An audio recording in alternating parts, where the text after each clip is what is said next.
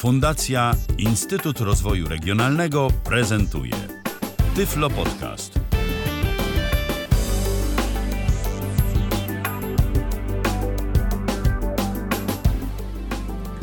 Dzień dobry. Na antenie Tyflo Radia dzisiaj będziemy rozmawiać o głośnikach inteligentnych, o systemach multiroom, o Sonosie, głośnikach Google, protokole AirPlay, Chromecast i Googlecast.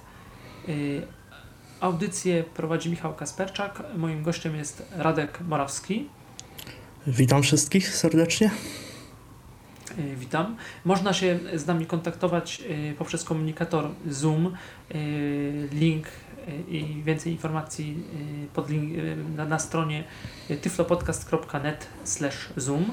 Audycja jak zwykle jest również nadawana poprzez Facebook, transmitowana poprzez Facebook Tyflo Podcastu i będzie potem dostępna również na Y, YouTube, no i oczywiście w serwisie tyflopodcast.net, tak jak zresztą zawsze.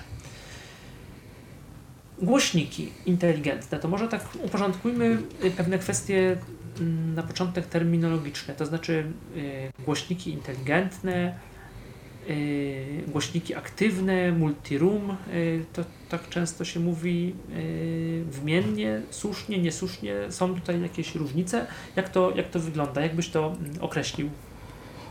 Tak, oczy, oczywiście są to różnice, są to właściwie trzy różne kategorie. Może zacznę od tej najszerszej kategorii, czyli głośników aktywnych. E, są to głośniki, które po prostu nie wymagają oddzielnego wzmacniacza, tak jak kolumny głośnikowe czy, czy, czy jakieś monitory. Są to głośniki po prostu podłączane do gniazdka, zasilane z baterii ale mające niejako wbudowany wzmacniacz, y, więc są głośniki aktywne, w odróżnieniu od pasywnych, które właśnie potrzebują zewnętrznego źródła zasilania w postaci wzmacniacza. No i wśród takich głośników całkiem niedawno narodziła się kategoria głośników inteligentnych. Y, I są to głośniki, głównie jest to związane z rozwojem asystentów głosowych i są to właśnie głośniki z wbudowanym mikrofonem, i najczęściej z obsługą takich asystentów głosowych, czy to będzie e, Google Assistant, czy Amazon Alexa, czy Siri od Apple. E, to mówi się, że to są głośniki inteligentne. No inteligentne bardziej są ci asystenci, przynajmniej próbują być. No, głośniki są po prostu interfejsem dostępu do tych asystentów poprzez wbudowane mikrofony. No ale to daje jakby wiele opcji mm, obsługi tych głośników. A taką kategorią niektórzy też nazywają właśnie głośnikami inteligentnymi, ale są to właśnie głośniki multiroom, czyli bardzo często one mogą być obsługiwane przez asystentów, choć nie mają same wbudowanych mikrofonów. I często są to głośniki będące większość, y, częścią jakiegoś większego systemu, takiego pozwalającego odtwarzać dźwięk, jak, jak sama nazwa wskazuje, multiroom w wielu pomieszczeniach. Y, dawniej to się też nazywało party mode, czyli taki strip y, imprezowy, gdzie można w różnych pomieszczeniach odtwarzać na przykład tą samą muzykę lub różną, ale to właśnie się wzięły głośniki multi-room i są to też głośniki z, już w tej chwili odtwarzające ze źródeł cyfrowych, czy przede wszystkim z serwisów streamingowych, takich jak Spotify, Apple Music, Tidal, yy, nie wymagające jakiegoś dodatkowego źródła muzyki podawanej przez, nie wiem, USB, przez Bluetootha, y, czy podłączania jakichś źródeł przez gwiazda liniowe, jakieś odtwarzaczy CD, tylko właśnie mające wbudowane Wi-Fi i mogące korzystać z internetu do odtwarzania muzyki.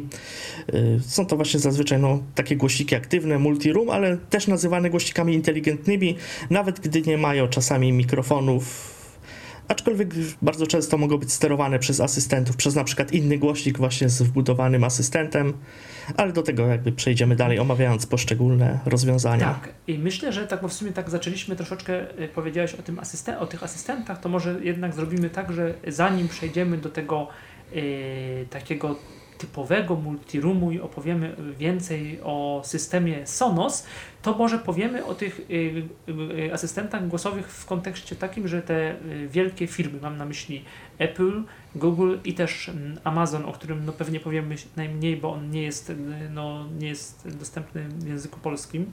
No, Apple też, Siri też nie jest, no, ale jest w iPhone'ach. To powiedzmy tak, że każda z, yy, każda z tych firm yy, no, preferuje inny, inny głośnik albo inny typ gdzieś tam yy, głośników. Jak to wygląda? No, Apple Siri to jest HomePod. W sumie tylko HomePod, prawda? Mm, tak.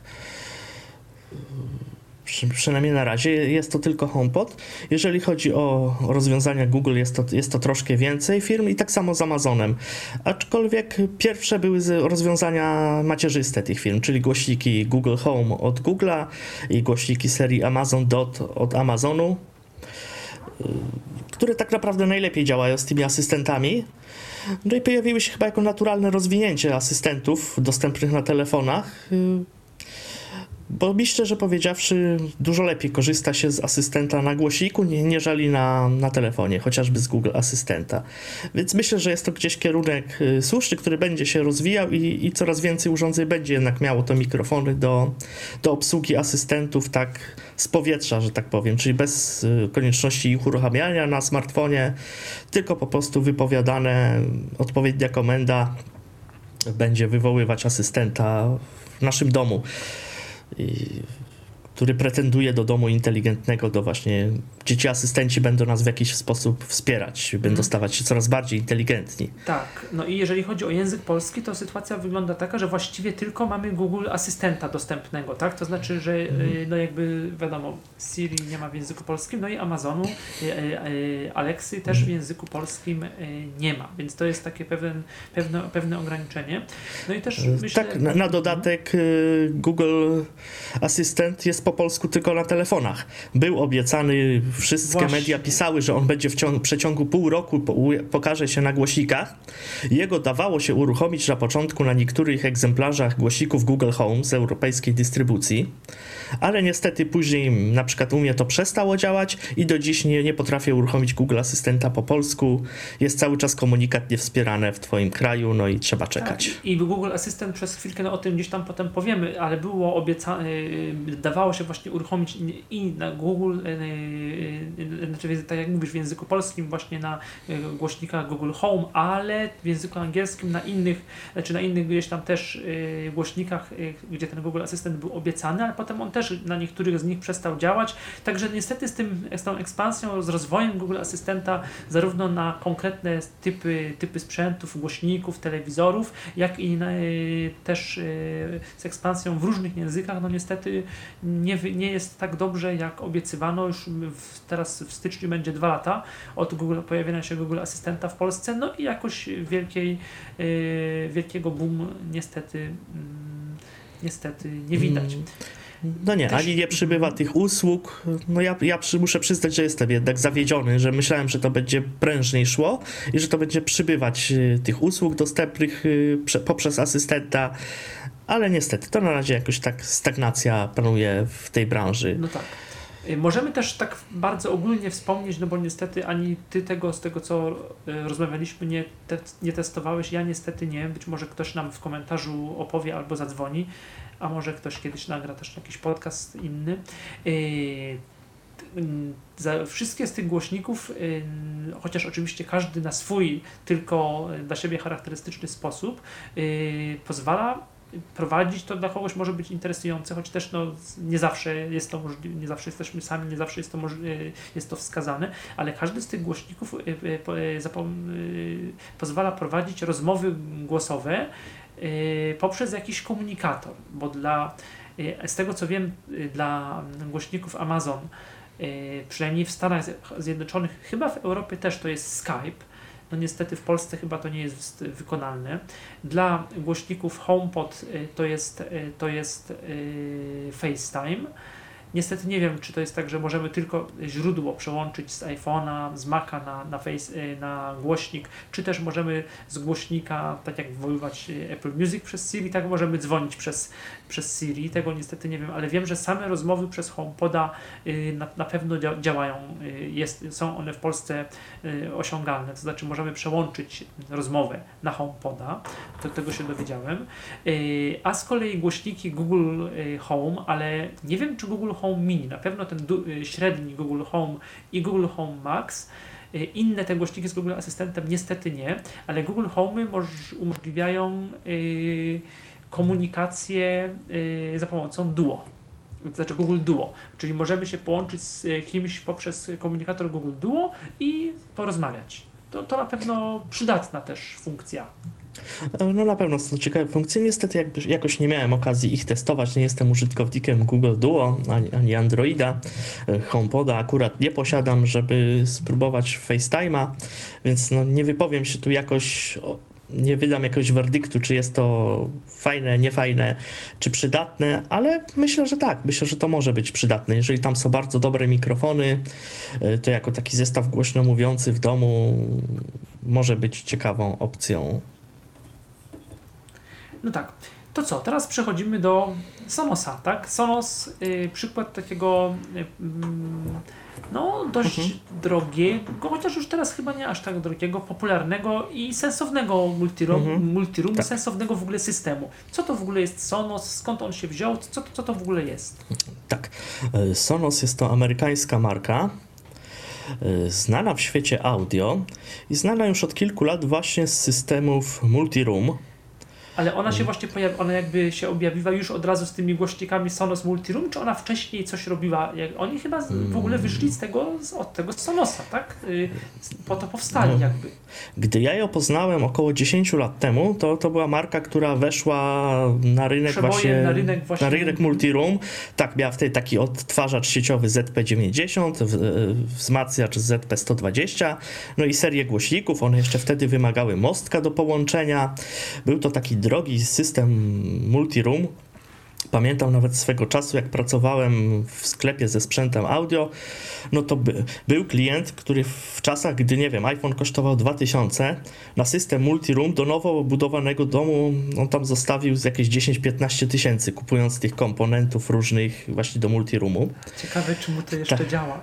No ciekaw jestem. Być może rozwijał, dokupował komponenty z tych nowszych serii, ale ta firma, co ciekawe, była już od dawna jakoś tam w jakiś sposób związana z Apple, przynajmniej robiła produkty właśnie takie premium, miała swoje kontrolery podobne bardzo do iPodów Touch, zresztą były, bywały nawet takie promocje, że do jakichś tam zestawów yy, droższych był iPod Touch dołączany właśnie jako, kont jako kontroler. Można było zainstalować tą aplikację Sonosa i kontrolować muzykę w tych wszystkich strefach, w tych głośnikach multiroom ale no, był to wtedy system bardzo zamknięty, bardzo taki hermetyczny, związany z jakimiś tam określonymi serwisami wtedy.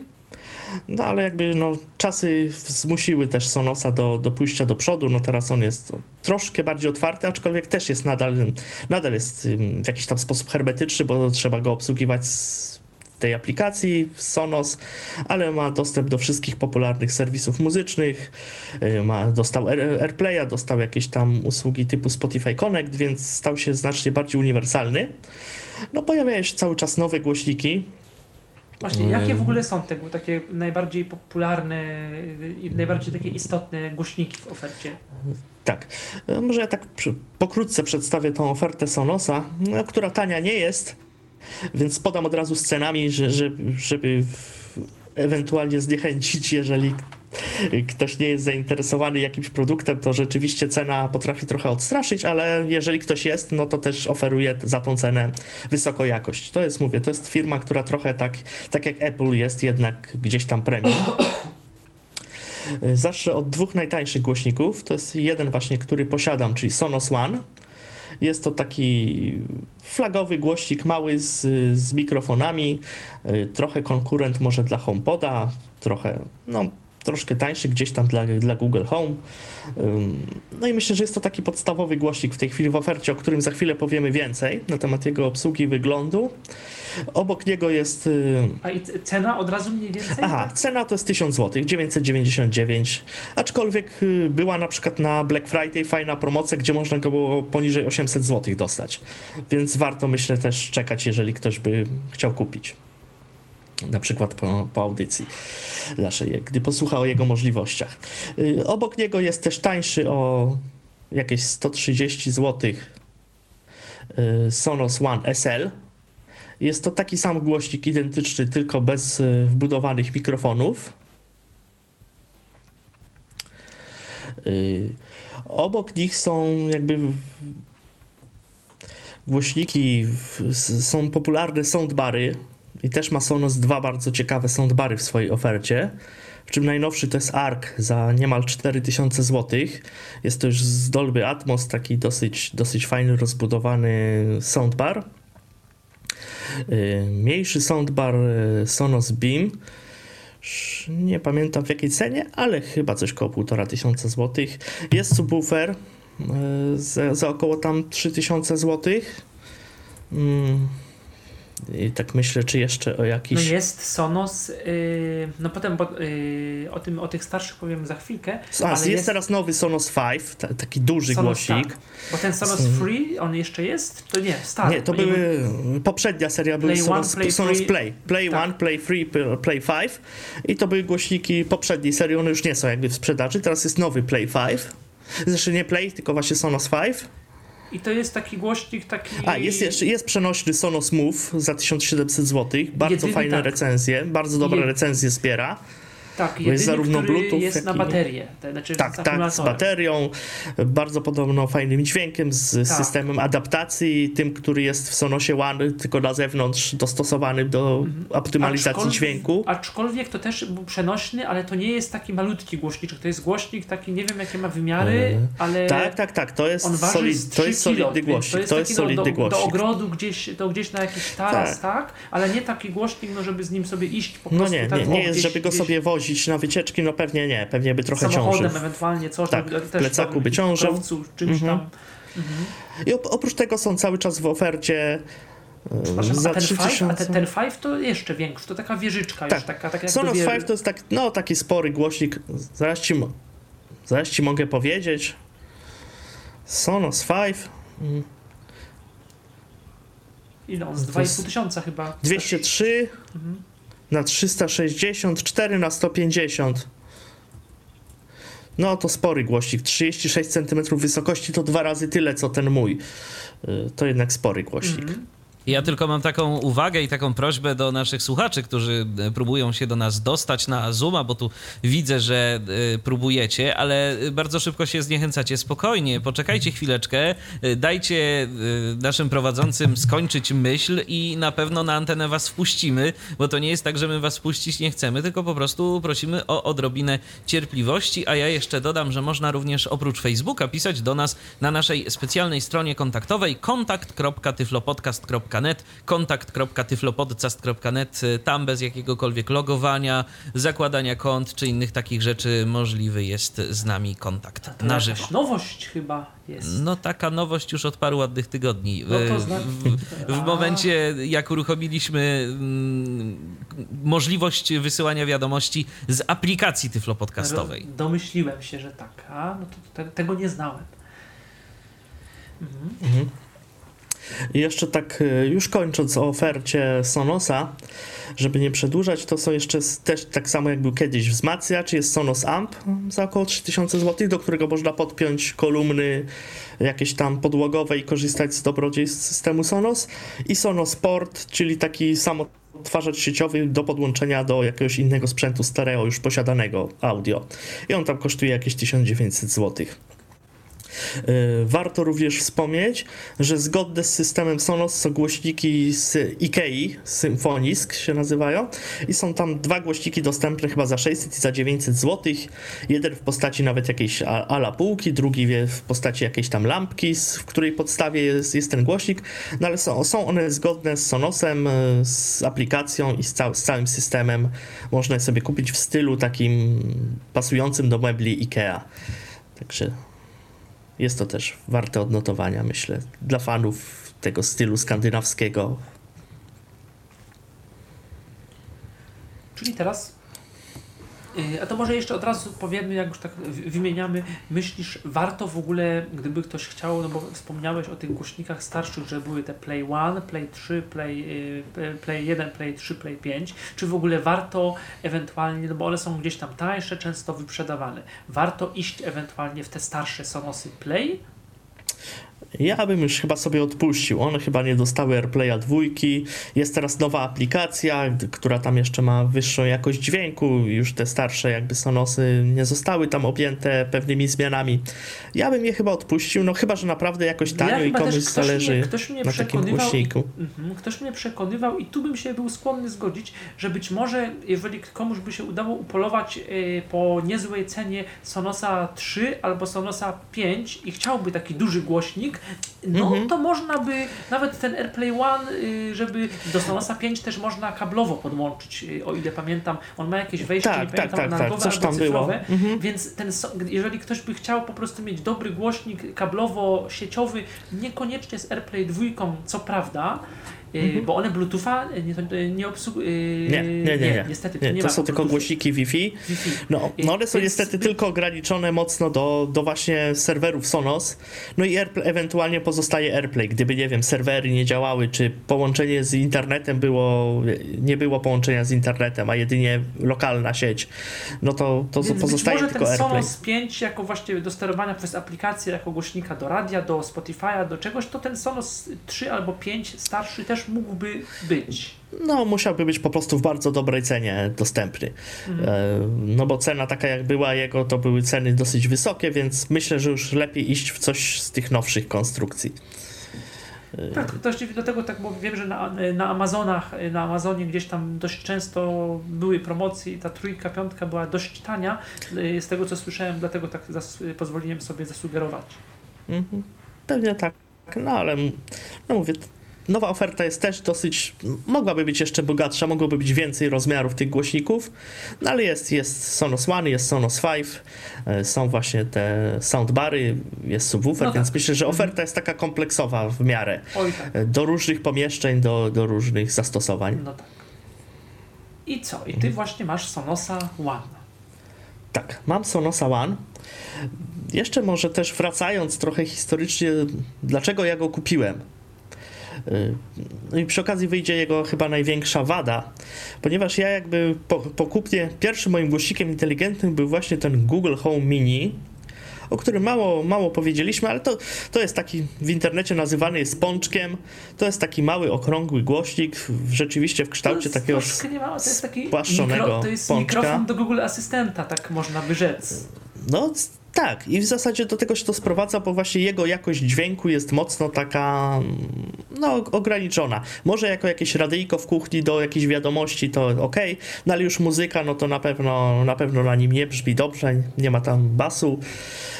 No jest małym głośniczkiem. do tych większych, które Google Home są tak, raczej tamte, chwalone. Tamte podobno lepiej, ale on, no one są słabo dostępne też w Polsce w sprzedaży. Teraz też te głośniki Google Home zastąpiły Google Nest marka. No, no ale tak, tak, a, Google, a, Google, Nest, przepraszam, Google Nest to nie są te z wyświetlaczem takie? Te nie, nie, nie.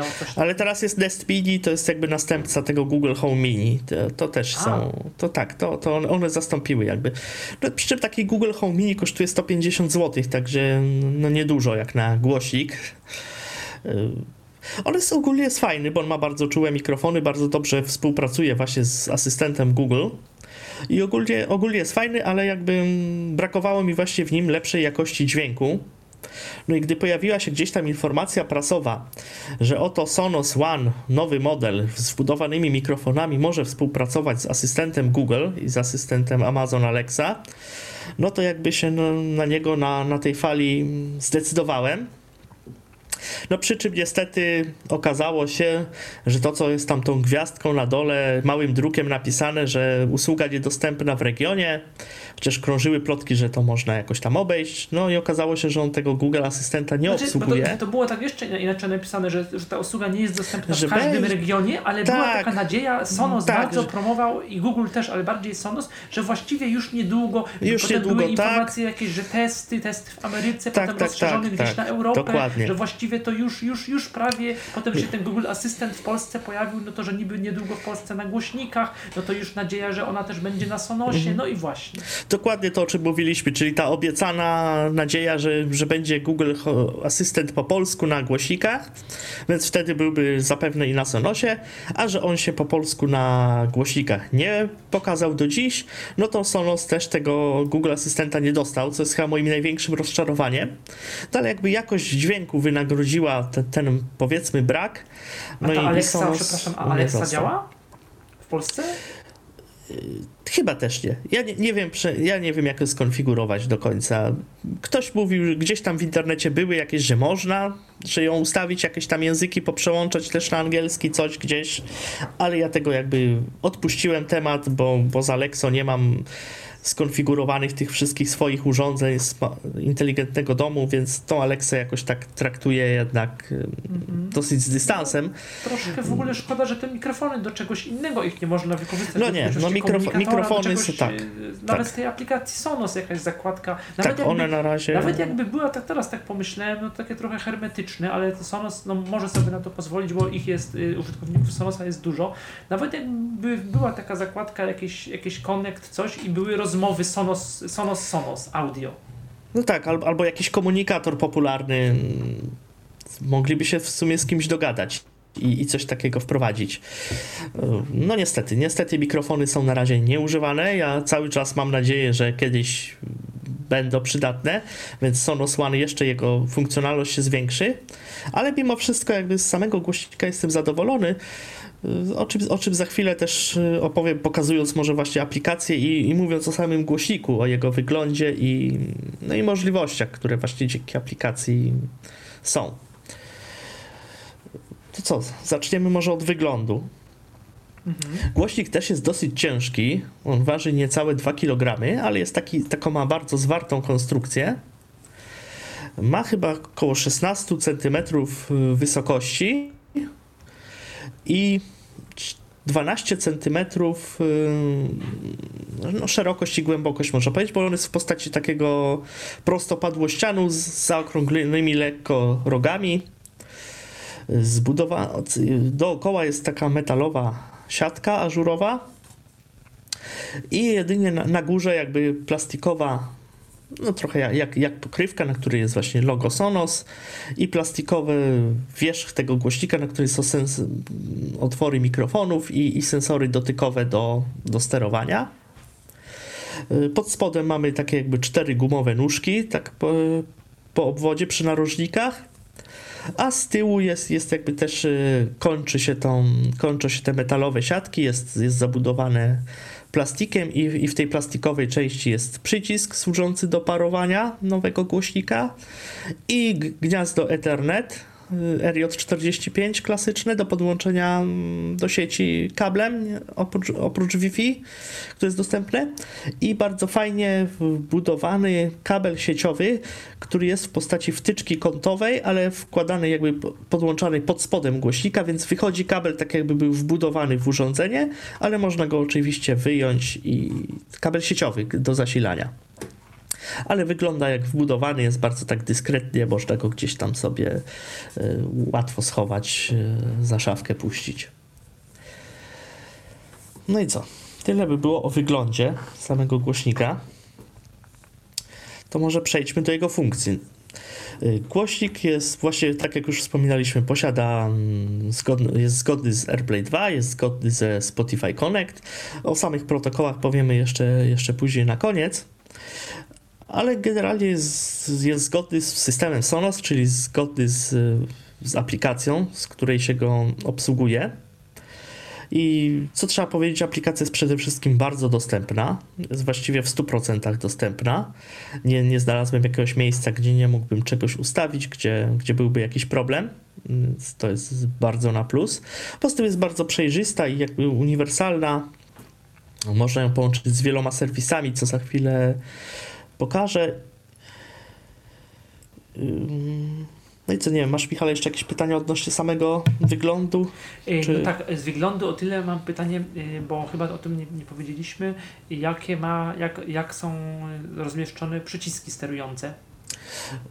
No właśnie, ponieważ są to sensory dotykowe, no trudno, one są jakby rozmieszczone, no, na środku jest play pauza, a po prawej i po lewej stronie głośniej ciszej.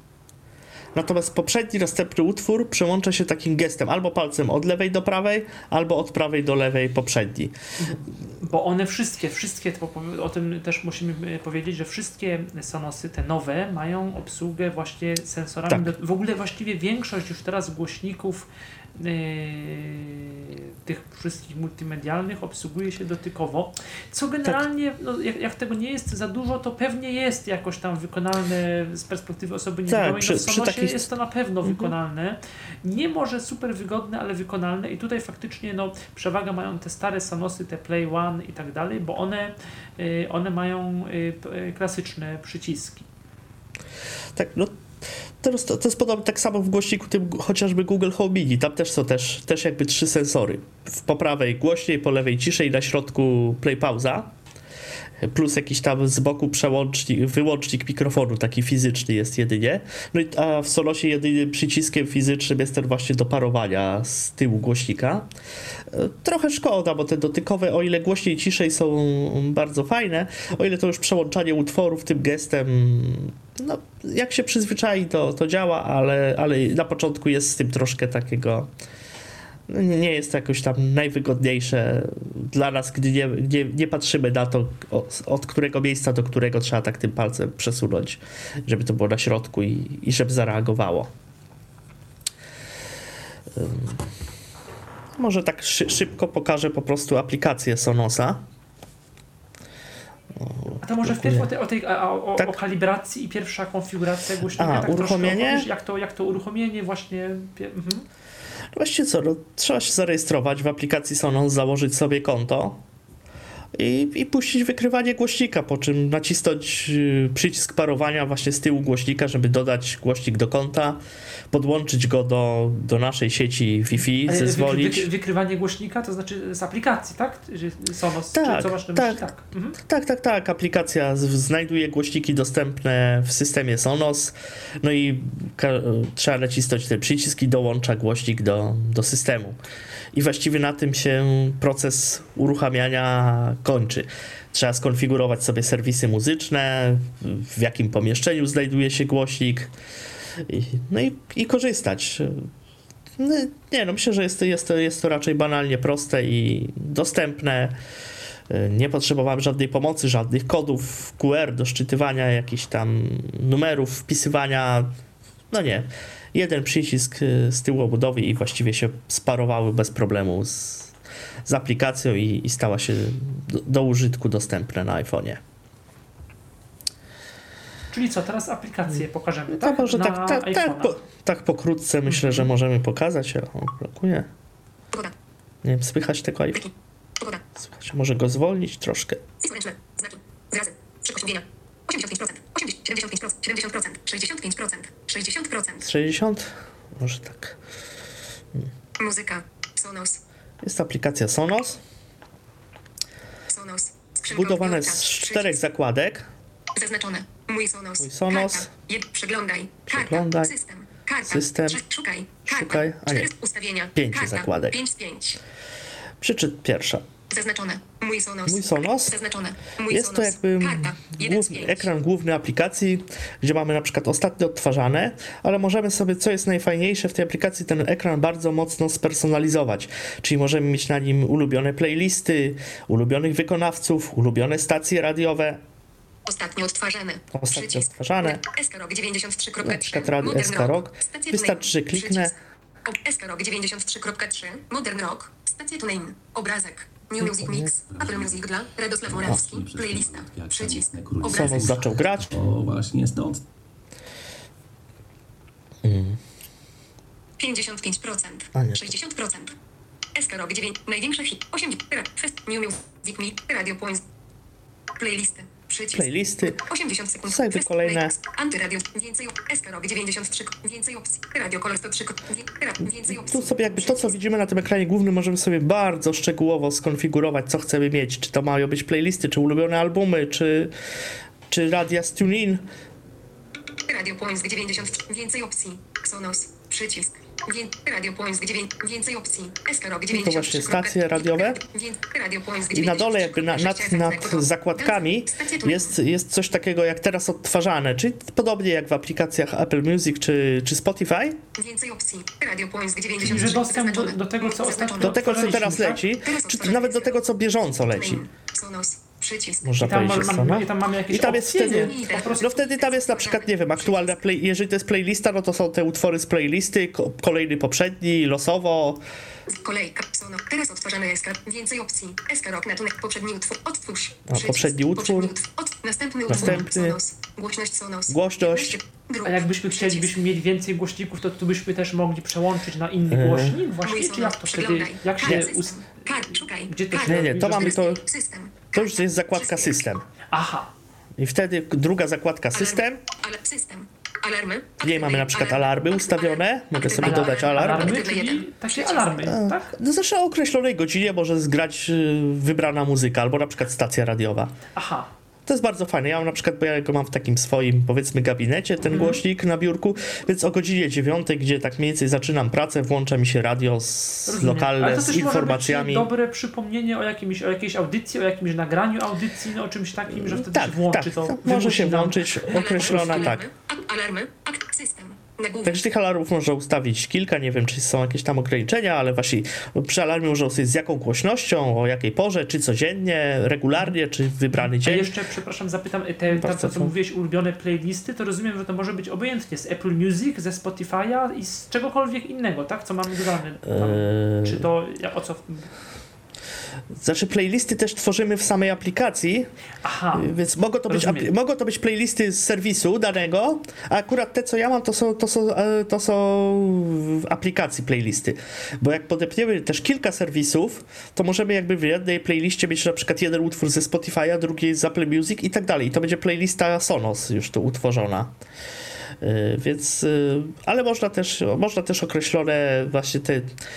Czyli w pewnym sensie jakby to jest też takie ciekawe, że no, Sonos raczej dba o tą dostępność i dobrze rozumiem, jeżeli podepniemy właśnie te różne, no w naszym przypadku w sensie w Polsce Spotify, Apple Music, ewentualnie Tidal y, albo Deezer, y, to jest tak, że wtedy Sonos, y, dobrze rozumiem, staje się playerem tych wszystkich y, serwisów muzycznych, tak można by powiedzieć. E, Tak, z tym, że no to, to jest, ta aplikacja nie potrafi odtwarzać na iPhone'ie, ona tylko steruje odtwarzaniem Tak, z tak. tych serwisów na to, to głośnik. rozumiem.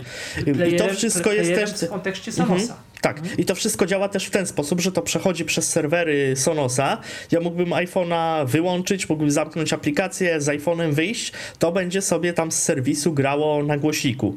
Y, To, to iPhone w tym jakby nie pośredniczy i to jest tylko sterownik. Y, A czy, mhm. A czy można jakoś, nie wiem, ta aplikacja, to troszkę wybiegamy, bo to powiemy pewnie przy Windowsie, ale ta aplikacja Sonos, ona, nie wiem, można, może jakoś Sonos odtwarzać nie z chmury, tylko, nie wiem, jakoś lokalnie, że nasze pliki z dysku iPhone'a Tak, czy z dysku tak, tak, tak. komputera, Można mieć bibliotekę, bibliotekę na dysku sieciowym. Jest też obsługa DLNA protokołu, który działa różnie, ale, ale działa. Można z komputera, z- właśnie z aplikacji Sonos dla Windowsa można, można muzykę puścić. No i oczywiście z telefonu przez AirPlaya. Yy, Także nie musi, nie No. musi to być aplikacja Sonos. Tylko AirPlay wtedy to już jest taki po prostu, Sonos jest Tylko już te- głośnikiem tak. AirPlay. Wtedy już Tak, sterujemy tak, tak. jakby telefonem, Wtedy iPhone, iPhone, no iPhone bierze jednak baterię, wtedy zużywa, no jest, jest przekazuje cały czas ten dźwięk, y, streamuje do, do głośnika. Y, więc zawsze jednak lepiej używać, jak jest taka możliwość aplikacji Sonos i puszczać y, bezpośrednio z serwisów muzycznych na głośnik Sonos. Wróćmy do zakładki system. e, Są Mhm. alarmy, to powiedzieliśmy w zakładce system między innymi. Mhm. I co jeszcze? Poniedziałek. Alarmy. Teraz odtwarzamy eskaro. Wybierz pomieszczenie. Zaznaczone. I to jest właśnie o. Wybierz pomieszczenie. Wybierz Aha, pomieszczenie. Zaznaczone. System. No ja tu niestety mam jedno pomieszczenie, jeden głośnik, więc Alarmy. Alarmy. Nie można tu poszaleć. Zaznaczone. Wybierz pomieszczenia. Teraz odtwarzamy eskaro. a i, i to teraz odtwarzane. No i to jest właściwie zakładka system druga. Zaznaczone. Przeglądaj. Karta. Trzecia jest przeglądaj. Zaznaczone. Właściwie druga jest przeglądem, ta Przeglądaj. system była trzecia, ale to nieważne. I tu w przeglądaj mamy wszystkie podpięte te serwisy. Biblioteka muzyczna. Jest biblioteka muzyczna, w której właśnie byłyby rzeczy z- udostępnione gdzieś tam w sieci. Sonos Radio. Jest Sonos Radio, czyli nowa usługa od Sonosa, która pojawiła się niedawno, która jest podobnie jak TuneIn, takim agregatorem stacji internetowych, I to w radiowych. Polsce co, coś, coś jest e, dla Polski to ma Są, jakieś są, zna- no, są polskie radia. Nie wiem, czy to ma jakieś znaczenie. właśnie, że TuneIn albo Nie. Sonos Radio, coś to Nie zauważyłem, nie robiłem jakichś porównań jakościowych, żeby tam były jakieś lepsze bitrate albo coś, nie wiem, nie robiłem jakichś testów. Kilka stacji tych y, czołowych znalazłem. Y, można pewnie, znaczy zauważyłem ostatnio TuneIn zaczął puszczać swój jingle, więc być może tam tego jingla pewnie nie ma. Y, przy starcie TuneIn potrafi puścić swój, swój jingle, jako, jako że jest pośrednikiem. Apple Music. Jest właśnie Apple Music, które mam i TuneIn. I to są serwisy, których używam. TuneIn. Apple Music. I na Apple Music widzimy to, co, to, co Apple nam, Dla ciebie. Nowe. czyli zakładkę dla ciebie, Apple Music. Dla ciebie. Nowe. Radio. Moja muzyka. radio, moja muzyka, czyli tam wykonawcy, albumy, Playlistę. Play- Czyli nawigujemy po, po zawartości Apple Music, tego, co tam sobie w aplikacji muzyka na iPhone'ie pododajemy, to będziemy tutaj mieć do tego dostęp w aplikacji Sonos. Utwory. Tak samo podobnie jest ze Spotify'em. Wcześniej miałem wykupione Spotify Premium, więc też tam y, widziane są te wszystkie playlisty proponowane przez Spotify'a, które można puścić na głośnik Sonos. Wszystkie tam nasze jakieś ulubione czy, czy dodane rzeczy. Playlistę. System. Szukaj. Karta. Kolejna, 4 z 5. kolejna karta to szukaj. Zaznaczone. Szukaj. Karta. wyszukiwanie 4 z- jest- System. Karta. 3 z 5. Pusta lista. Pusta lista. Pusta lista. Pusta lista. Pusta lista. Pusta lista. Aby przeszukać treści, użyj paska wyszukiwania znajdującego się w górnej części ekranu. Odcinki radiowe, audycje, kompozytorzy, podcasty i audycje, gatunki, stacje, playlisty, przy albumy, utwory, przycisk. A, dam utwory na przykład. Ut- artyści. Szukaj, szukaj. Ustawienia. Zaznaczone. Szukaj. Kart. Zaznaczone. Artyści. Szukaj, szukaj. Pole wyszukiwania. Pole wyszukiwania, Pole wyszukiwania. sobie, nie wiem. Edycja. T.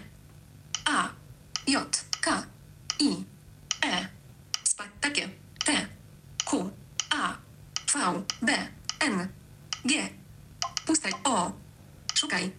Szukaj. Takie tango live. Budka Jest, jest też fajnie, że on by znalazł jakby we wszystkich serwisach. Mielibyśmy kilka serwisów, to znalazłby to, co znalazł z kilku serwisów, możemy sobie wybrać Zaznaczone. Utwory. chcemy. I on wtedy nam powie, że takie tango. Apple Playlist. Music, takie tango. Tak, Spotify. albo te, tak, tak, tak. On to ma wręcz pod nagłówkami. Stacje. Gatunki. Podcasty, kompozytorzy, audycje radio, odcinki radiowe, Apple Music. O. Nagłówek. Apple Music nagłówek. Apple Music. Nagłówek. Takie tango, budka suflera, O. nic nie boli tak jak życie. suflera, nic Aha, nie czyli bez płyty I nic nie boli puszczam. Tak, tak, tak, tak. I klikam. I na Sonosie sobie. Jak słychać z bardzo ładnym basem. Nie wiem, czy to mikrofon zbierze, ale. No i bardzo szybko, bardzo sprawnie y, gra. Jest to Zaznaczone. jeżeli chodzi o Szukaj. szukanie. Ustawienia. Karta. No i ostatnia Ustawienia. zakładka Karta. ustawienia. Ustawienia. Przejdźmy Karta. więc tak szybko, co my tu mamy. System. Przycisk. System. Produkty. Tu właśnie miałby produkty. One. Przycisk. One. Dodaj produkt. Dodaj Przycisk. produkt. Dodaj bost. Przycisk. Dodaj ho- No to już teraz się nie używa jakichś tam wzmacniaczy, ale one ka- każdy dla siebie jest też wzmacniaczem, więc. Ale po co te Dodaj bosty? To, aha, jakieś takie, żeby lepiej tam Jakiś wzmacniacz sieciowy, tak, sieciowy tak. w tym sensie. Dodaj, Mhm. dodaj bost. Dodaj, dodaj bost. Znajdź brakujący głośnik. Ustawienia systemowe. O, moim systemie. Możesz Przycisk. szukać głośnika też? Coś jakoś znaleźć brakujący głośnik? Czy że... To chyba jakby się coś rozparował, czy, czy coś, to by tam można go mm, wyszukiwać. Airplay. Nie miałem Przycisk. takiej potrzeby. O, a AirPlay? Przycisk? Alarmy. Airplay. To właściwie są ustawienia dla głośników ze starszym AirPlayem. No, dla bieżących nic tu jakby nowego nie ma. Można tam tworzyć grupy głośników nieobsługujących tam AirPlay 2. y, Alarmy. Przycisk. Właśnie alarmy, Kompresja dźwięku. Przycisk. kompresja dźwięku. A kompresja jakiej- dźwięku to coś, jakieś znaczenie? Coś to... Można tam, to chyba, żeby oszczędzać pasmo, można ustawić jakoś tam gorsze. Ja mam automatyczną, żeby Aha, że do dobiera, któryś... Mhm. dobiera automatycznie jakość yy, do dostępnego pasma. A można tam sobie ustawić, że ma cały czas zawsze być maksymalna albo, albo jakaś tam średnia. To tylko takie Data i godzina. Data i Przycisk. godzina. Grupy. Przyciemnione. Serwery medialne. Przycisk. serwery medialne właśnie można skonfigurować. Są te wszystkie. DLNA i tam te, te Tak, tak, tak, tak, tak. Mo, można też jakieś źródło. Biblioteka muzyczna. Sieć. Przycisk. Sieć, no to właśnie Wi-Fi, Kontrola rodzicielska. Aktualizacja systemu. no, kontrola rodzicielska, to jakiś tam dostęp do jakichś treści. Właściwie nie wiem, gdzie te treści miałyby być, może w Apple Music. Może są jakieś y, albumy określone jako niecenzuralne i wtedy można by zablokować ich, możliwość ich odtwarzania. Aktualizacja systemu. Przycisk. Aktualizacje. Aktualizacje są automatyczne. Nie, to trzeba sobie urucha uruchamiać, tak? Pewnie, czy Aktualizacja jak to... Znaczy aplikacja jest, aktualizuje się po prostu przez App Store. Tak, tak, ale jak chodzi jest. mi o firmware A z samego od systemu- tego systemu głośników jakby. Właściwie chyba był dwa razy, odkąd ja go mam. Na początku, jak kupiłem, y, zaktualizowałem i teraz, jak była ta aktualizacja do V2 y, aplikacji, to to była taka większa aktualizacja systemu. Aktualizacja I, systemu. I bez problemu, tak? Dłu- Długo się Nie. aktualizowało coś? Nie. Wiesz co, już nie pamiętam, ale Mhm. nie, był, nie, był to jakiś, nie był to jakiś proces, na który bym zwrócił Nie większą pamiętasz, uwagę. Tak, czyli, czyli nic Tak, istotnego, czyli żeby, tak, tak. Rozumiem. Przeniesienie własności. Tak. Przeniesienie własności systemu. Przeniesienie można własności, czy można go jakby odpiąć od swojego konta, no i podpiąć pod inne konto wtedy, z, jeżeli byśmy go odsprzedali, to, to, bo on jest powiązany jakby z kontem też. Sonos. Przycisk. I to właściwie wszystko. Przycisk. Oranga. Rzecz. Ustawienia. Przycisk wróć. Ustawienia. Konto. Redbeat Małpa. Sys. Usługi i ster. O, Głos. usługi i sterowanie głosowe jest cała druga pozycja w ustawieniach. Muzyka i treści. Nagłówek. No niestety jakby tych właśnie usług głosowych nie ma. Apple Music. Redbeat 83. dodane. Sonos Radio. Przycisk. Apple Music są TuneIn. Dodaj serwis. ale jest Przycisk. dodaj serwis i przejdę tak Gotowe. szybko listę serwisów, które są dostępne, bo jest naprawdę spora ta lista. Apple Music, Spotify, Music for Everyone, Anghami, Anghami, Play, Art Radio, Radio Ad. Atmosfera by Collect, FM, a Taylor Made in Store Music, Audible, Audible has the high words large, audiobox.com, Bandcamp, Book Mate, Bo Salm, Explorer, Salm Radio, Over 300 H, CBC Radio i Music, Slascice Archives, E, Dar, FM Red, Deezer, Deezer. Deliver, Media, Deli, Epidemic Spaces, Fit Radio Workout Music, Focus Małpawil, Foc, Ghana, Ghana of Global Player, Google Play Music, of Play. Space, Techa, Hotel Radio, i Broadcast, List, Idagio, Blisk, Last, FM, Last FM. Liebe by Overdrycha, Live Fish Snack Club, Mini Disco, Mini Mixcloud, Mixcloud, Mixcloud. Live Fish Snack Club, Mini Disco, Mixcloud, Mod Mix, Mixcloud Home, Metuner Radio, NRK Radio, NTS Radio, Nuxnet, Plex, Wit, Pocket Casks, Alteha, Uber App, Cast. App, Primefonic, Navi, Radio Javan, Wit, Radio Paradisa, Radio Net, Radio Pup, Radio Jak słychać jest to duża lista, Ale też Większość serwisów nieznanych. Pocket, Cast, bo Pocket Cast to są przecież podcasty, taka Android... Być może można się do tej bazy, którą macie z subskrypcji podpiąć. Nie próbowałem. No, SoundCloud. SoundSuite, SoundTrack Play, Spreaker, Stitcher, Storyplay, Storytel, książki. O, Music nawet Storytel, który w Tidal, Polsce-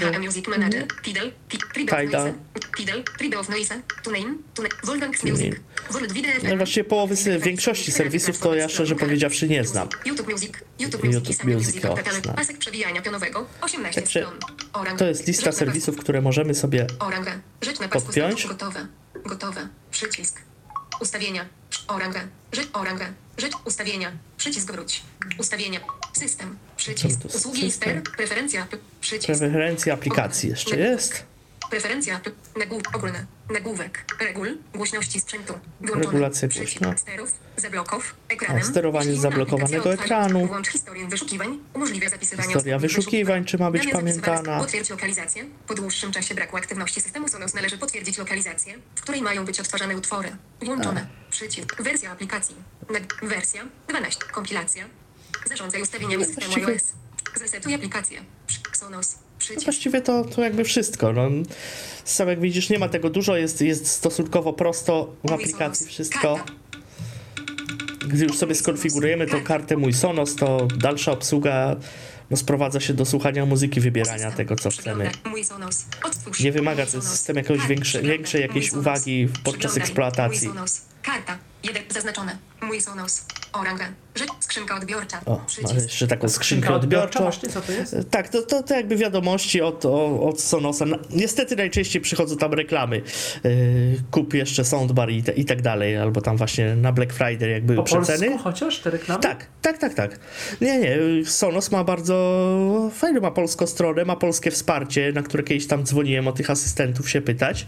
Bardzo tak, no jest, jest obecny w Polsce. Można, to nie jest. że można, ile tam, tam te nawet 100 dni można testować głośnik? Yy, Dobrze No, dzi- wiem? dziś, dziś widziałem taką, taką reklamę na ich stronie, że przez 100 dni odesłać na, na koszt Sonosa.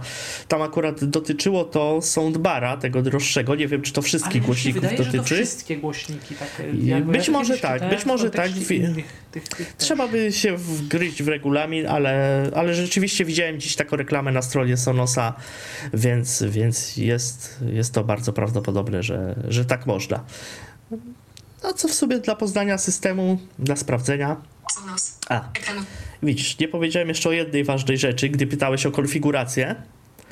Yy, Bo Sonos właśnie w głośnikach One, w tych z mikrofonem, jedyne zastosowanie mikrofonów jest tak zwana technologia TruePlay, gdzie można ten głośnik zoptymalizować do, do pomieszczenia, w którym gra. I o dziwo jest to skuteczne. O ile ja jestem sceptyczny do takich systemów, automatycznej jakiejś kalibracji dźwięku, to w tym przypadku zaczął grać dużo lepiej, przynajmniej tak na moje ucho, bo wcześniej tro, troszkę dudnił, był taki przebasowiony, yy, sztucznie tak grał, a gdy go zoptymalizowałem, wymaga to chodzenia z iPhone'em po pokoju i unoszenia go jeszcze tak od góry do dołu. Nawet jakoś kilka razy nie, nie, nie, mogło, nie chciało to zareagować że, że za słabo tym iPhone'em jakby poruszam, ale w pewnym momencie skalibrowała się prawidłowo i rzeczywiście efekt był taki, że, że on zaczął grać bardziej moim zdaniem jakby tak zrównoważony ten dźwięk, y, ten bas, y, nie przesadzony, ale, ale taki głębszy. Rzeczywiście ten, ten true play wydaje mi się, że w przypadku Sonosa całkiem nieźle działa. A, a niewiele można tam samemu jakby zrobić, jeżeli chodzi o tą regulację tych, tego dźwięku, więc, więc warto chyba zrobić tą, tą automatyczną kalibrację przy, po, po uruchomieniu. Można to jakby, on to proponuje na początku, ale można to w każdej chwili jakby wrócić do tego i zrobić sobie system dostroić gdzieś tam.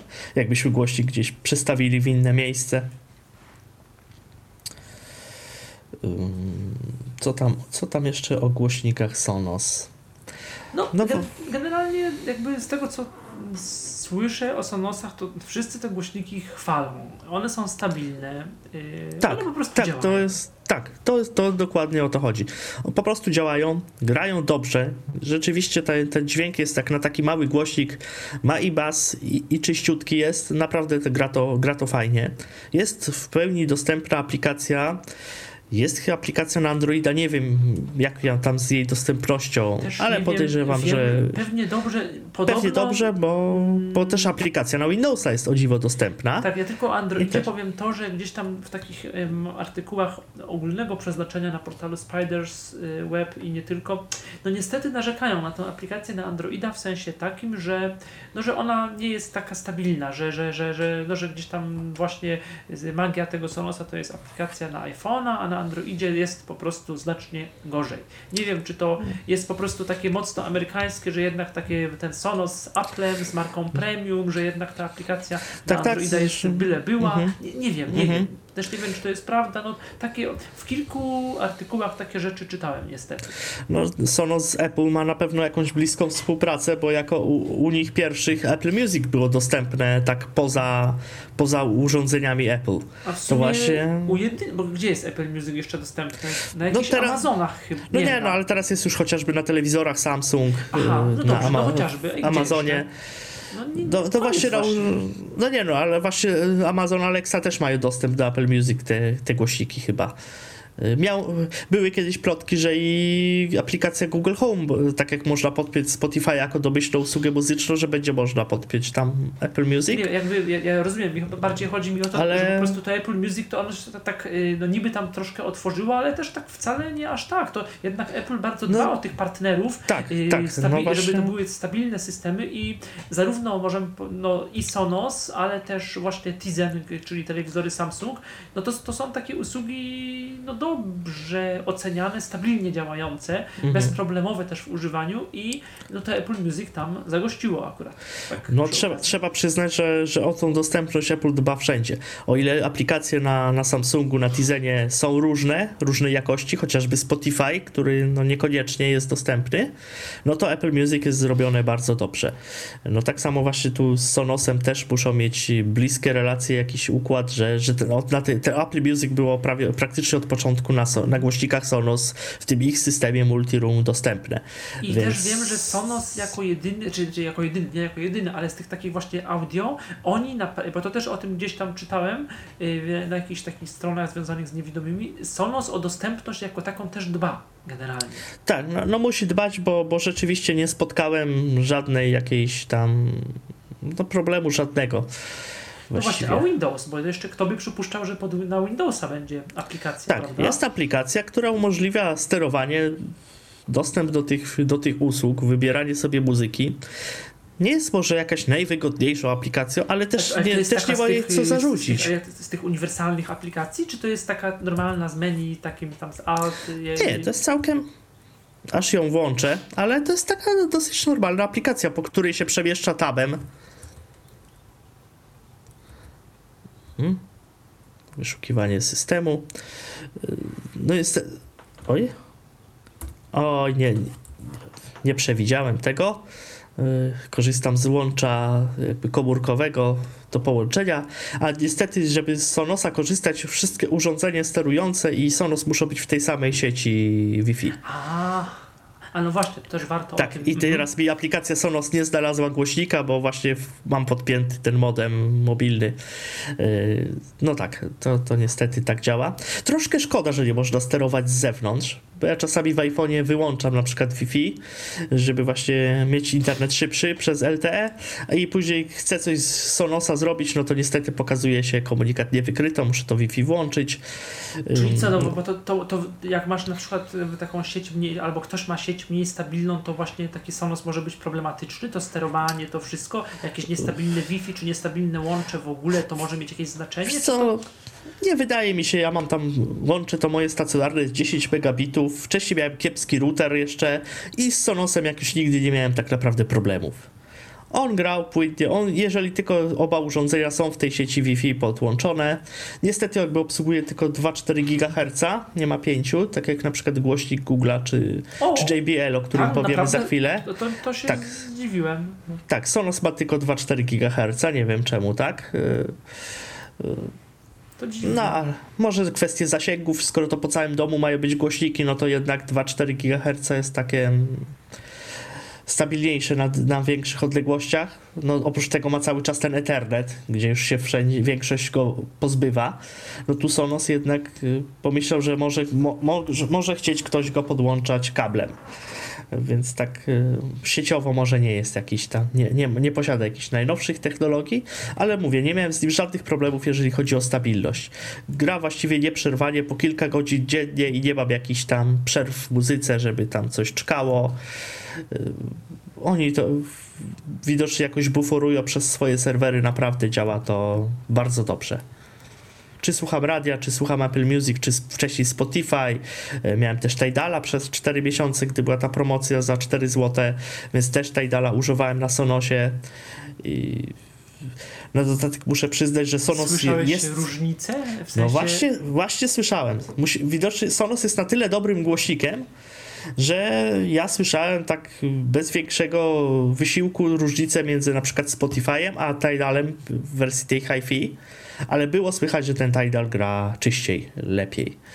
Y, Więc y, dla jakichś tam melomanów Czyli w sumie to- po tym, no bo Tidal to jest taka aplikacja, która jest bardzo mm, mm, nieprzyjemna y, sama w sobie w użytkowaniu, ona nie jest ani No tak, dostępna, tak. ani funkcjonalna, a tutaj z Sonosa, no to bardzo ładnie mogłeś sobie pododawać różne rzeczy i na To Tidalu znaczy, n- tak, n- a- poprzez aplikację odtwarzać Tidala. no, aczkolwiek, aczkolwiek warto sobie najpierw w aplikacji tej podstawowej jakieś poustawiać playlisty i ulubionych tam wykonawców, więc to troszkę nie do końca tak super, bo, bo warto No jest wiesz, to możesz robić. wyszukiwać tak. też Ale później- dodawać do tak. y, playlisty z Tak, poziomu do ty- Sonosa, nie? tak, już do tych sonosowych usług, tak. Właśnie, a jak to jest? A, bo to tak nie działa, że, bo że na przykład jak znajdziesz y, sobie, wyszukasz jakiś utwór i on jest, że tam w Spotify i go dodajesz do playlisty, to go do, dodajesz do tych usług Sonos. Nie możesz go z Tak. poziomu Sonos aplikacji dodać do playlist jakby w Spotify'u, nie? To nie.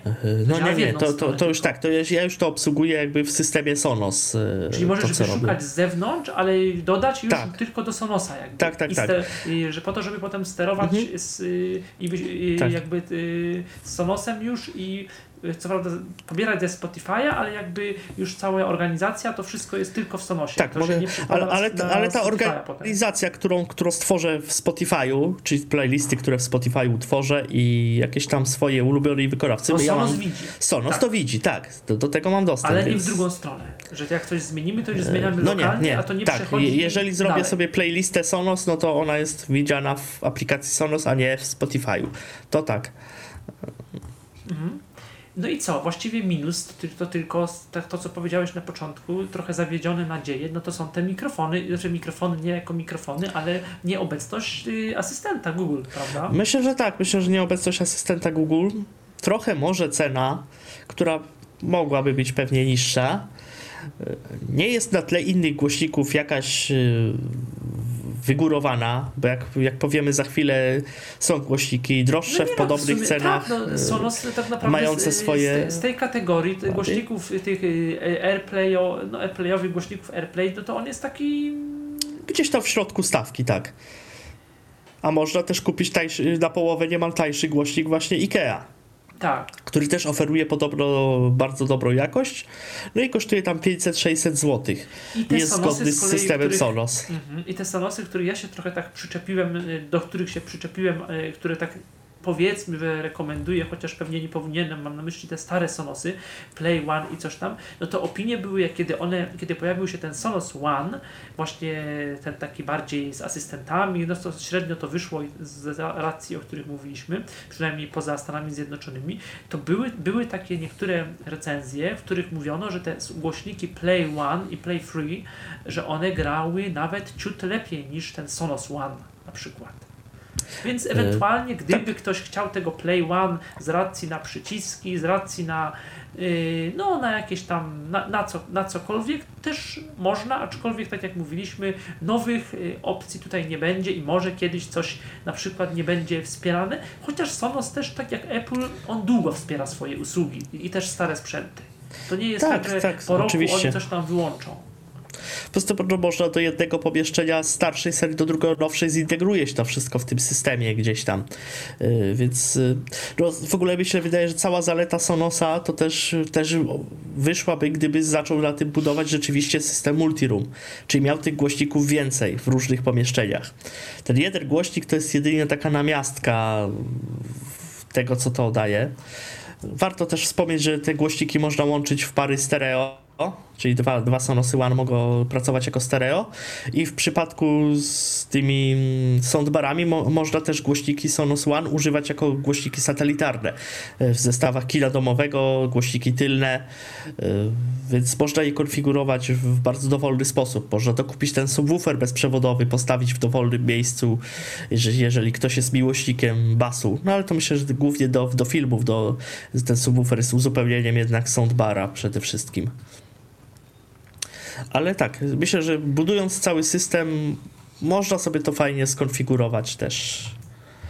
A sterowanie, bo rozumiem, że o takim sterowaniu głosowym w kontekście uruchomienia głosowego Sonosa, to powiemy przy okazji AirPlaya 2, tak? I jakby w ogóle Siri jako, y, to chyba pod koniec y, audycji o tym będziemy mówić, tak? Czy, czy jakby teraz to coś tak. to... Zresztą, no, zresztą no, możemy uzupełnić, że tak jak nie działa ten asystent Google na, na samym Sonosie, nie ma go w dostępnych usługach, to też próba dodania Sonosa w aplikacji Google Home, gdzie Sonos na liście oczywiście wspieranych producentów jest, no ale kończy się właśnie po zalogowaniu na konto Sonos komunikatem usługa niedostępna w Twoim kraju, poinformujemy Cię jak tylko będzie dostępna. Yy, więc no czekamy, tak? Pewnie wcześniej czy później będzie, więc też, też się wykorzysta tego, te mikrofony i tego asystenta. Myślę, myślę, że to wcześniej czy później nastąpi jednak. Aczkolwiek no minus jest też taki, znaczy minus, no z jednej strony zaleta, bo jak Sonos coś robi, to robi to dobrze, że, że takich aktualizacji, nowych funkcji, jakichś nowych feature'ów, które mogłyby być, za dużo nie ma w tym Sonosie. To znaczy to nie jest firma, która co, jak oni raz w roku coś wypuszczą nowego software'owo, to jest dobrze, w sensie jakiejś nowej funkcji, nowego serwisu, czegoś takiego. Tak, tak. Aczkolwiek uważam to chyba za zaletę, że jednak nie, nie są tacy do przodu, nie, że ciągle innowacja. Ciągle... Tak, tak. Oni jednak robią te sprzęty gdzieś tam przemyślane. No, no taki ten najnowszy soundbar jest naprawdę gdzieś tam widać, że technologicznie 11 wzmacniaczy, 11 głośników. narzekają, że mało złączy ma. Tak, no to są takie sprzęty trochę jak, jak Apple, takie minimalistyczne. Takie Ten głośnik też jest taka. Tak, taki Wi-Fi only, dokładnie. Aczkolwiek no chyba słuchanie muzyki zmierza jednak w tym kierunku, w kierunku sprzętów takich no, odtwarzających głównie z Wi-Fi. No to o tym też inne kiedyś te porozmawiamy jeszcze pewnie w osobnej audycji kiedyś. Y, to co, mówiliśmy o Sonos, y, o Google Home już mówiliśmy i tu chyba nic nie powiemy, bo już jakby powiedziałeś troszeczkę o tym twoim właśnie Google Home y, Mini i w ogóle o, o, z kolei ja tyle gdzieś tam co wiedziałem o głośnikach Google Home. No to co, to teraz kolejny głośnik, o którym szerzej powiemy, więcej powiemy. Takie trochę połączenie, bo głośnik z jednej strony z obsługą protokołu Google Cast, z obsługą Google Asystenta, ale również z obsługą AirPlay, prawda? I to wcale nie jest tak, jest to, mówię to tak troszeczkę sensacyjnie, bo głośników, które mają jedno, jeden i drugi protokół, a jeszcze są przenośne w sensie takim, że są na baterię, czego, czego Sonos niestety poza tym na baterię, znaczy mają akumulator wbudowany, czego e, niestety, znaczy, bo Sonos to tylko są głośniki na prąd, tylko ten Sonos duży MUF, znaczy stosunkowo duży, ten MUF, o którym mówiliśmy, a reszta to jest na prąd. E, większość w ogóle tych głośników ten, y, o, których będziemy mówić, ona jest y, y, stacjonarna o tyle, że, jest że musi być podłączona do zasilania, a jednym z takich właśnie wyjątków, o których więcej powiemy, jest głośnik, który nie tak dawno się pojawił, dopiero gdzieś tam w tym roku, JBL Portable, prawda? Tak, jest to głośnik, który właśnie również posiadam, który skusiłem się kupić. Z kilku powodów. Jeden był taki, że miałem, chciałem kupić głośnik po prostu, który będę mógł wynieść gdzieś, gdzieś na taras, na balkon. Myślałem o Sonosie Move, ale jednak cena 1700 zł, brak tego asystenta. Na razie mnie od niego odwiodły. Może kiedyś zamienię ten głośnik na, na, na Sonosa, ale no jakby zrezygnowałem. Kupiłem głośnik o, o 1000 zł tańszy, czyli głośnik za, za 630 zł, właśnie Link Portable JBL-a. No i jest to głośnik, który, tak jak wspomniałeś, ma, ma wszystko. Ma usługi Google, ma AirPlaya 2, ma Bluetootha, jest na baterię, jest też, ma taką fajną podstawkę, że w domu stoi jako głośnik stacjonarny, gdy się ładuje sobie. Więc jakby zdecydowałem się go, go nabyć. I, no i co? Powiedzmy o, o. Zacznijmy może tak samo od, od wyglądu, tak? Tak, oczywiście od, tak, od wyglądu, potem od jakiejś tam no. pierwszej konfiguracji i tak dalej, i, tak. i obsługi potem. Można, po, można powiedzieć, że jest w pewnym sensie konstrukcyjnie podobny do Sonosa, bo to jest też, też prostopadłością z zakrąglonymi rogami. Jest o jakiś centymetr wyższy od Sonosa, ale jest zdecydowanie jakby mniejszy, jeżeli chodzi o szerokość i głębokość, bo o ile Sonos ma jakieś tam 12 centymetrów, ciężko go tak ręko objąć, podnieść do góry, no to ten jest bardziej tak jak właśnie, nie wiem, jakaś puszka piwa, może trochę szersza, ma około 8 chyba centymetrów y, tej szerokości jest, jest cały jakby po bokach, o, oprócz, o, oprócz wierzchniej części jest obszyty materiałem. Bardzo ładnie to wygląda. Nawet dwie osoby jak moja mama, moja siostra zwróciły uwagę, o jaki ładny głośnik, więc, więc się podoba.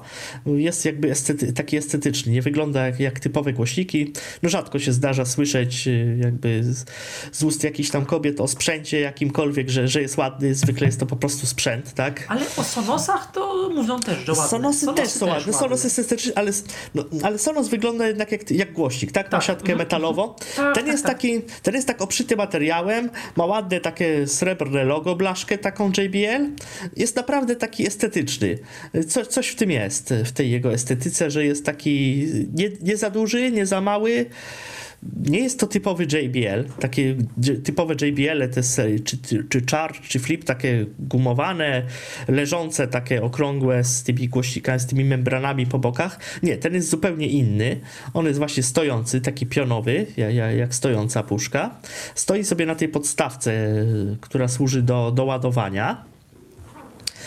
Y, Na wierzchu ma jakby jeden, jest to taka gumowana powierzchnia u góry, tu jest jakaś dioda i są dwa, przyciski plus i minus głośniej, ciszej i, i play pauza na środku, taki nieco wklęsły. Są to fizyczne przyciski. Są takie jakby, nie są takie, no one są takie jakby pokryte tą gumą, więc one są tak nie, wyczuwalne, ale tak delikatnie, tylko takie membranowe i, i ten na środku, ale, ale są jak najbardziej przyciskami fizycznymi. Natomiast z tyłu jeszcze na, na dole jest też taka jakby w, w, ta, tam, w tym materiale jest taki jakby fragment y, taki gumowany i tam jest y, przycisk do parowania Bluetooth, włącz, wyłącz mikrofon i też takie, takie, takie gumowane te przyciski i, i wyłącznik taki wklęsły. One są wszystko to jest gumowane, bo one z, tego co pamiętam odporny jakoś tam na, na zachlapanie. Nie znalazłem, czy on ma jakąś normę Sonos, wodoodporności, też chyba nie. jakoś jest odporny. Sonos, nie? Sonos tam też, jakąś Sonos też. jakąś parę, coś, że w łazience nawet tam gdzieś po Tak, ale było. bardziej właśnie, bardziej, że używać go możesz w kuchni, w łazience, no, a JBL jednak jest głośnikiem takim właśnie, no można go wziąć gdzieś na zewnątrz, no. Jakiś grill, jakaś, jakaś też i drobna impreza, można go sobie gdzieś tam wziąć, nie, obawiając się jakoś bardziej o niego. A powiedziałeś, że ta podstawka służy do ładowania w sensie takim, że jakby możemy go od podstawki od, jakby odpiąć i wtedy jest yy, zdjąć i wtedy jest głośnikiem takim przenośnym zupełnie. Tak, A rozumiem, że w tej tak. podstawce jakby tam podstawkę łączymy jakby do prądu podłączamy, tak Znaczy, powiedzieć. nie tyle do prądu, co, co do złącza USB. No tak. Mhm. Podstawka, podstawka ma też w swoim jakby spodzie gniazdo USB-C i, i na tej podstawce są takie dwa piny, na których stawiamy głośnik, on tam sobie się ładuje. Ale co jest fajne, to sam głośnik pod tymi przyciskami, o których przed chwilą wspominałem, czyli tam od Bluetootha i mikrofonu, też ma gniazdo USB-C. Czyli możemy ten kabel odłączyć od tej podstawki, a podłączyć go do, do bezpośrednio do głośnika. Czy można go ładować na dwa sposoby, albo przez podstawkę, albo przez na przykład z powerbanku, przez to złącze USB-C. Więc to jest też, też myślę, jaki, jakiś tam plus. Podstawka jest plastikowa, e, nie jest jakaś, nie ślizga się, ma jakiś chyba gumowany spód. Nawet bardzo nie, ale, ale jest taka antypoślizgowa, więc głośnik dla niej stoi dosyć stabilnie. No mówię, jest, jest, jest, jest bardzo estetyczny i funkcjonalny, z tym, że no co, no jednak, jednak to, że jest sporo tańszy od Sonosa, jeżeli chodzi o jakość dźwięku, też jest jakby sporo, no o, o półkę niżej. Y, Brzmi zupełnie inaczej niż znane w większości osób JBL. -e. Nie jest taki przebasowiony, nie, nie brzmi jak te, te głośniki Bluetooth przenośne JBL, -a, na pewno nie. Wręcz bym powiedział, że ma tego basu niedostatek. Y, je- Zaletą jego dźwięku jest natomiast y, dźwięk jak- taki dookulny, A jak 360. głośniej zrobisz, to jest taki czysty, czy, tak, czy, czy zaczyna ten dźwięk być taki... No właśnie, tej, tej głośności brakuje mi, nie ma, nie ma takiej efektywności. Te głośniki JBL-a, takie, które ja znałem, były takie, one, je, one potrafią naprawdę zagrać głośno. On głośno, no nie, on nie potrafi tym basem tak y, uderzyć. y. On gra, ale robi się już to takie Ale co, na jazgotliwe, bo tego basu że brakuje. Jeżeli jest ten głośnik w du- jakimś dużym pokoju i to z innego pokoju jakoś tak słychać ten dźwięk z daleka, tak y, jakoś na głośnik. Nie chodzi mi o jakąś dyskotekę, Mhm. ale nawet o takie, że nie wiem, ktoś y, chodzi Nie, nie. po mieszkaniu. Znaczy tak- on, on bardzo, bardzo ładnie przenosi mowę, czyli radio, wiadomości z radia, coś leci, to, to jest bardzo ładnie słyszalne. No nie zrobi na nim imprezy, tak troszkę na, jakby ja go liczyłem używać na zewnątrz, więc tam się dźwięk jeszcze bardziej rozchodzi, dlatego troszkę brakuje mu takiej mocy. Ale no jakby jeszcze tak od drugiej strony, gdybyś nie miał kontaktu wcześniej z różnymi głośnikami, albo nie miałbyś tego Sonosa y, wcześniej, to a miałbyś tylko, albo ktoś miałby kontakt z takim zwykłym głośnikiem, no, no trudno mówić co znaczy zwykłym, ale ze średniej klasy y, głośnikiem Bluetooth, to ten JBL y, Link, JBL Portable będzie dużo lepszy, czy jakby z tak od drugiej strony patrząc, bo może my go za bardzo porównujemy z tym Extra Sonosem, który jednak tam bardzo... No tak. Nie no, ja go porównuję z Sonosem, bo takie było moje pierwsze porównanie, gdy po prostu włączyłem jeden, włączyłem drugi. Tak, tak. To Więc ten rozumiem, JBL wypa- wypadł gdzieś tam blado. Nie no, gra ładnie, gra czysto, gra... mm, JBL to jednak też jest renomowana marka, prawda, od, od głośników i dźwięku. Więc y, nie no, nie, nie powiem, żeby to był jakiś y, beznadziejny głośnik. Z tym, że no, jak na przenośny głośnik mógłby mieć trochę więcej mocy, trochę więcej takiego mm, uderzenia w sobie. No mówię, jedynie fajną jego zaletą jest ten dźwięk dookulny, bo Sonosa jak, jak przestawiam, jakby przechodzę z boku Sonosa, no to słyszę, że on gra w, w przód raczej bardziej. A, a ten rzeczywiście, czy się jest po jego prawej stronie, po lewej, to, to słyszy się podobnie. Więc jak kilka osób gdzieś tam siedzi, no ja mam właśnie taki okrągły stolik gdzieś tam na tarasie, więc jak go na środku postawię, no to każdy ma ten dźwięk w dobrej jakości, tak? A nie z tyłu głośnika gorzej. Więc to, to jest na pewno jego, jego zaletą. No i, no i ta jego uniwersalność, tak, że to jest i Bluetooth, i AirPlay, i Chromecast, i, i właściwie wszystko, co, co potrzeba, żeby używać. Jakaś konfiguracja, no to co, to, to takie jak z kontem Google, prawda? Bo to jakby od tego Tak, sumie... tak, tak. On, on jakby swoją sieć tworzy i Wi-Fi wokół siebie po podłączeniu też. I, I tak jak głośniki Google się konfiguruje. Widziane są tam w aplikacji, można się z tą siecią połączyć, dołączyć go do aplikacji Google Home i jest widziany w aplikacji Google Home. Mhm. A jeżeli chodzi o AirPlay, to coś musiałeś robić, żeby on był głośnikiem AirPlay, czy to... Nie, jak... jeżeli. Nie. Znaczy, musiałem skonfigurować go do tej samej sieci Wi-Fi, czyli właśnie w aplikacji Google Home dać No mu tak. zezwolenie do, do mojej sieci Wi-Fi i on już wtedy jest jakby w sieci Wi-Fi widziany jako urządzenie AirPlay. Jest w Spotify Connect widziany jako, jako głośnik dla Spotify. Y, no, Nie, nie, nie, nie, nie miałem I też z nim żadnego. audio też z Chroma, czy z jakichś tam innych yy, No, aplikacji. tak, tak, z aplikacji no, Tunin, Chroma z. Tak, z Windows Chroma, z- na iPhone to przede wszystkim Tunin, odpalenie radia. Yy, Co też ma swoją zaletę, że mogę, nie wiem, aplikację ubić czy iPhone'a zostawić gdzie indziej, a to radio będzie sobie gdzieś tam grało już przez Wi-Fi na, ty, na tym głośniku. Yy, A to też jest czas, wygodne. czas yy, na akum- akumulatorze kilka godzin, jakoś 6 godzin, coś? Tam było tak, tak, tak, coś o 6 godzinach. Nie miałem poczucia, żeby było więcej. Nie, raczej w porównaniu z głośnikiem Bluetooth, który miałem, raczej jest te 6 godzin, bo ten głośnik Bluetooth miał około 10, więc ta, tak intuicyjnie jest to około, około tego. A właśnie, teraz mikrofony, Google Assistant, yy, no właśnie, mikrofony Tak. i Google Assistant. Tak, jest wbudowany Google Assistant. Działa, można powiedzieć, odrobinę gorzej niż na tych głośnikach Google'a. I to w Czyli- języku angielskim działa, tak? Tak, w języku Google Assistant. angielskim. Tak, to jest ten sam Google Assistant, y, który jest na głośniku Google Home.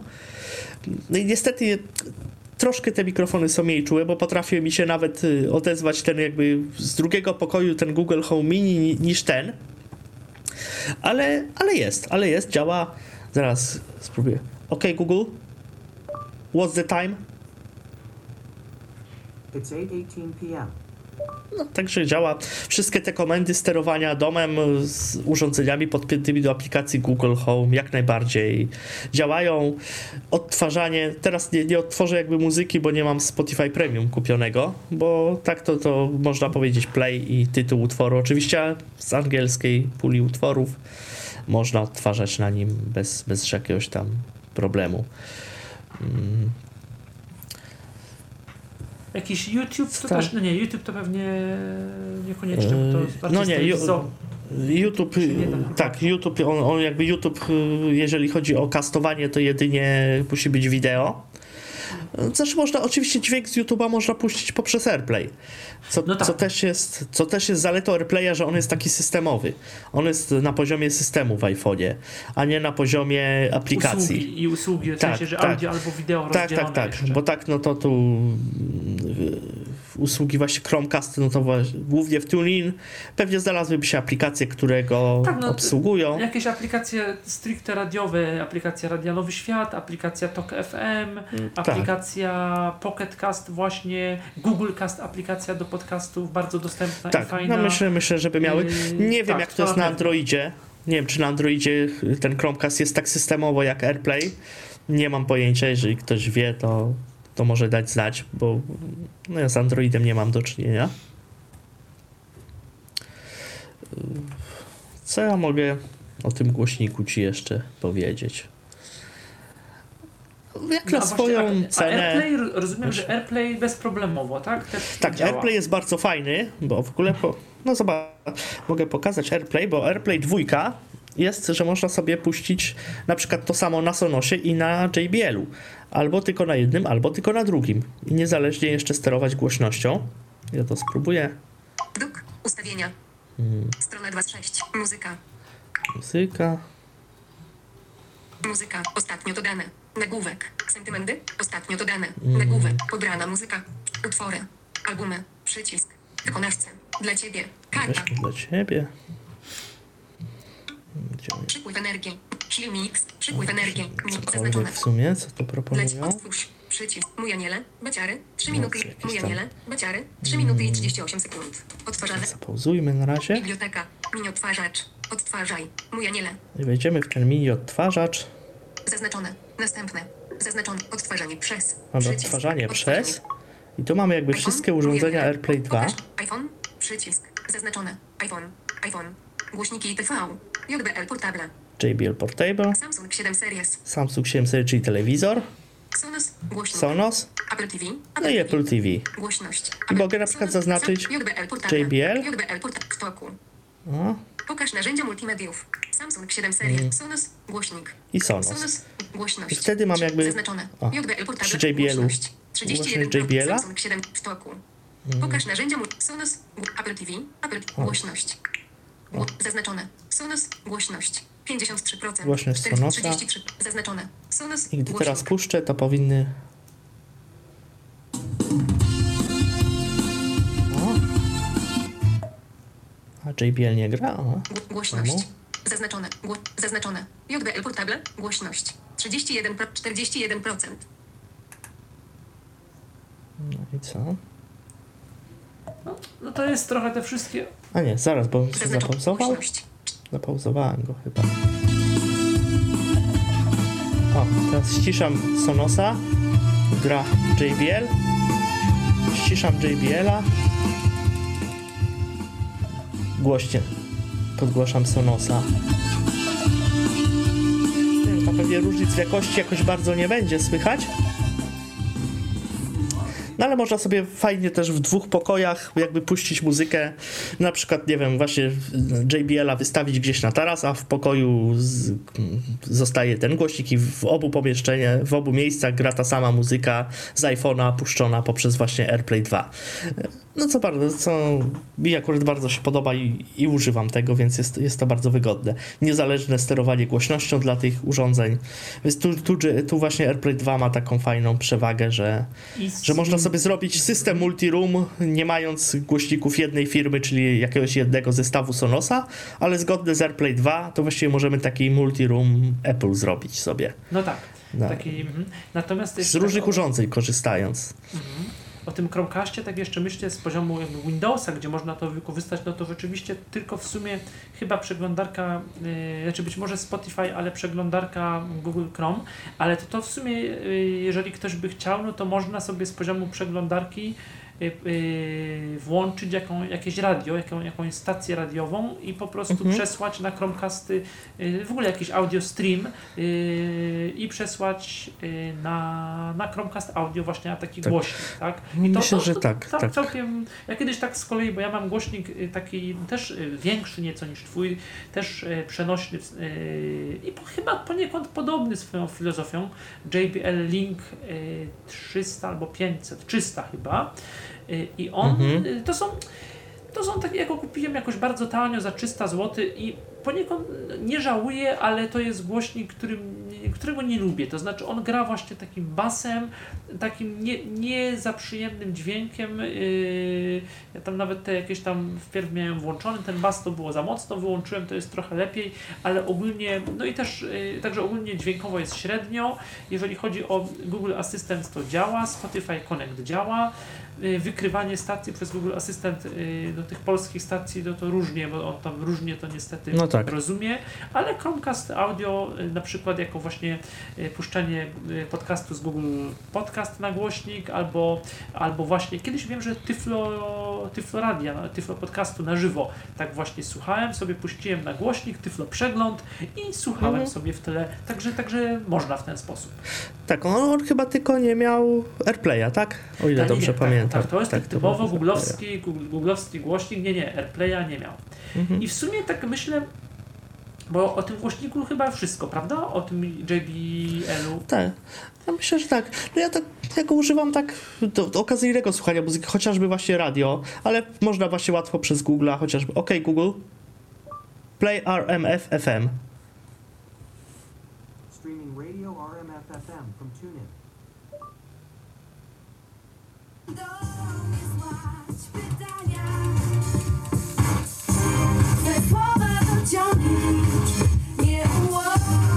Też.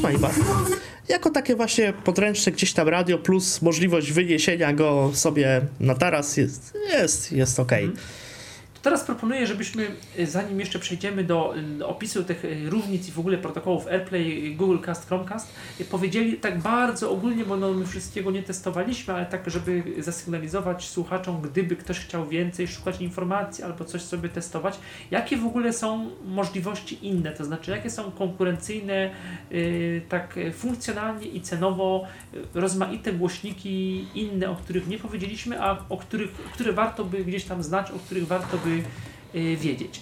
No to gdzieś tam ja może zacznę na początku, powiedziałem tak y, kilka, y, znaczy pr- przemknęło to słowo HomePod. I to jest głośnik Apple, głośnik, który którego w Polsce kupić nie możemy, który działa z Apple Music, działa z Siri, działa z AirPlay 2 i Spotify Connectem już będzie działał.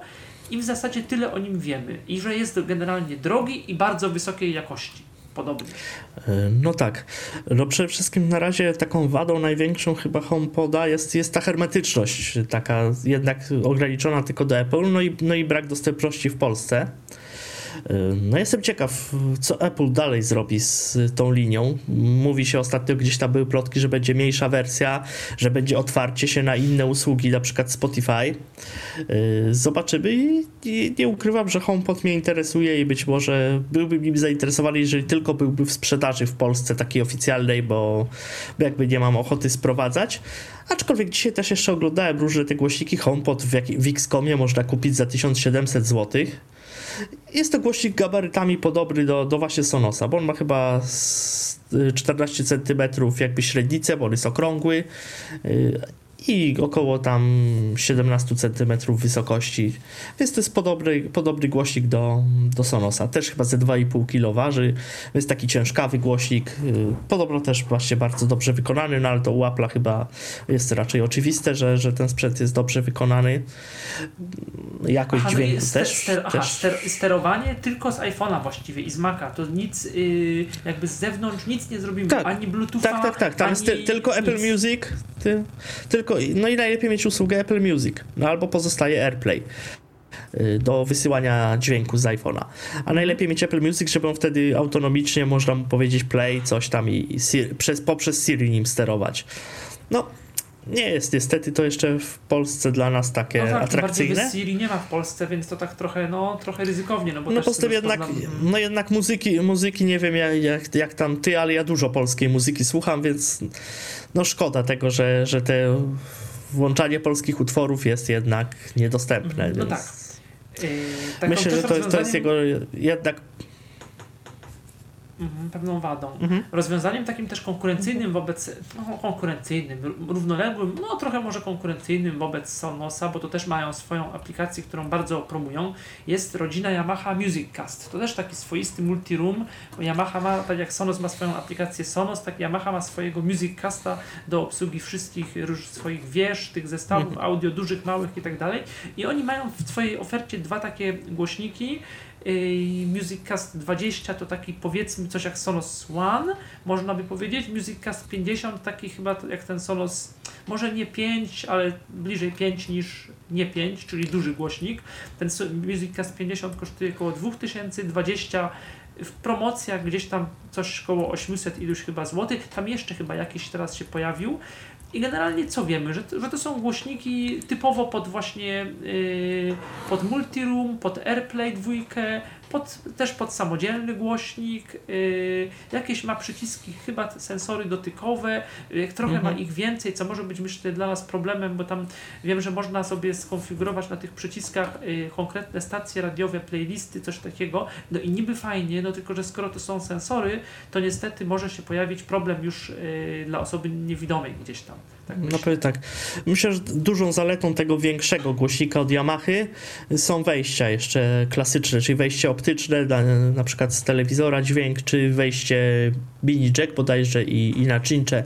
Tam są jeszcze typowe wejścia analogowe, y, co, co poszerza Czyli jakby tak jak w grono. tym dużym Sonosie 5, nie? Tak właśnie tego typu coś. Bo w Sonosie 5 też tak, są. Chociaż Nie nie wiem, czy, czy- Five ma, właśnie nie wiem tego. Five ma y- na pewno jakieś wejścia, tylko nie wiem jakie. Aha, no to pewnie też, też, ma. też coś takiego. Bo wiem, że Mhm. chwalili, że można odtwarzacz CD podłączyć do Five. Mhm. Znaczy, No to- to- to- to jest na pewno zaletą. przy tym nowym zupełnie. Tak, ten nowy, tak, właśnie, właśnie nie wiem. Nie, nie, on jak on tam się ma, ma. ale, Mhm. ale to muszę rzeczywiście sprawdzić.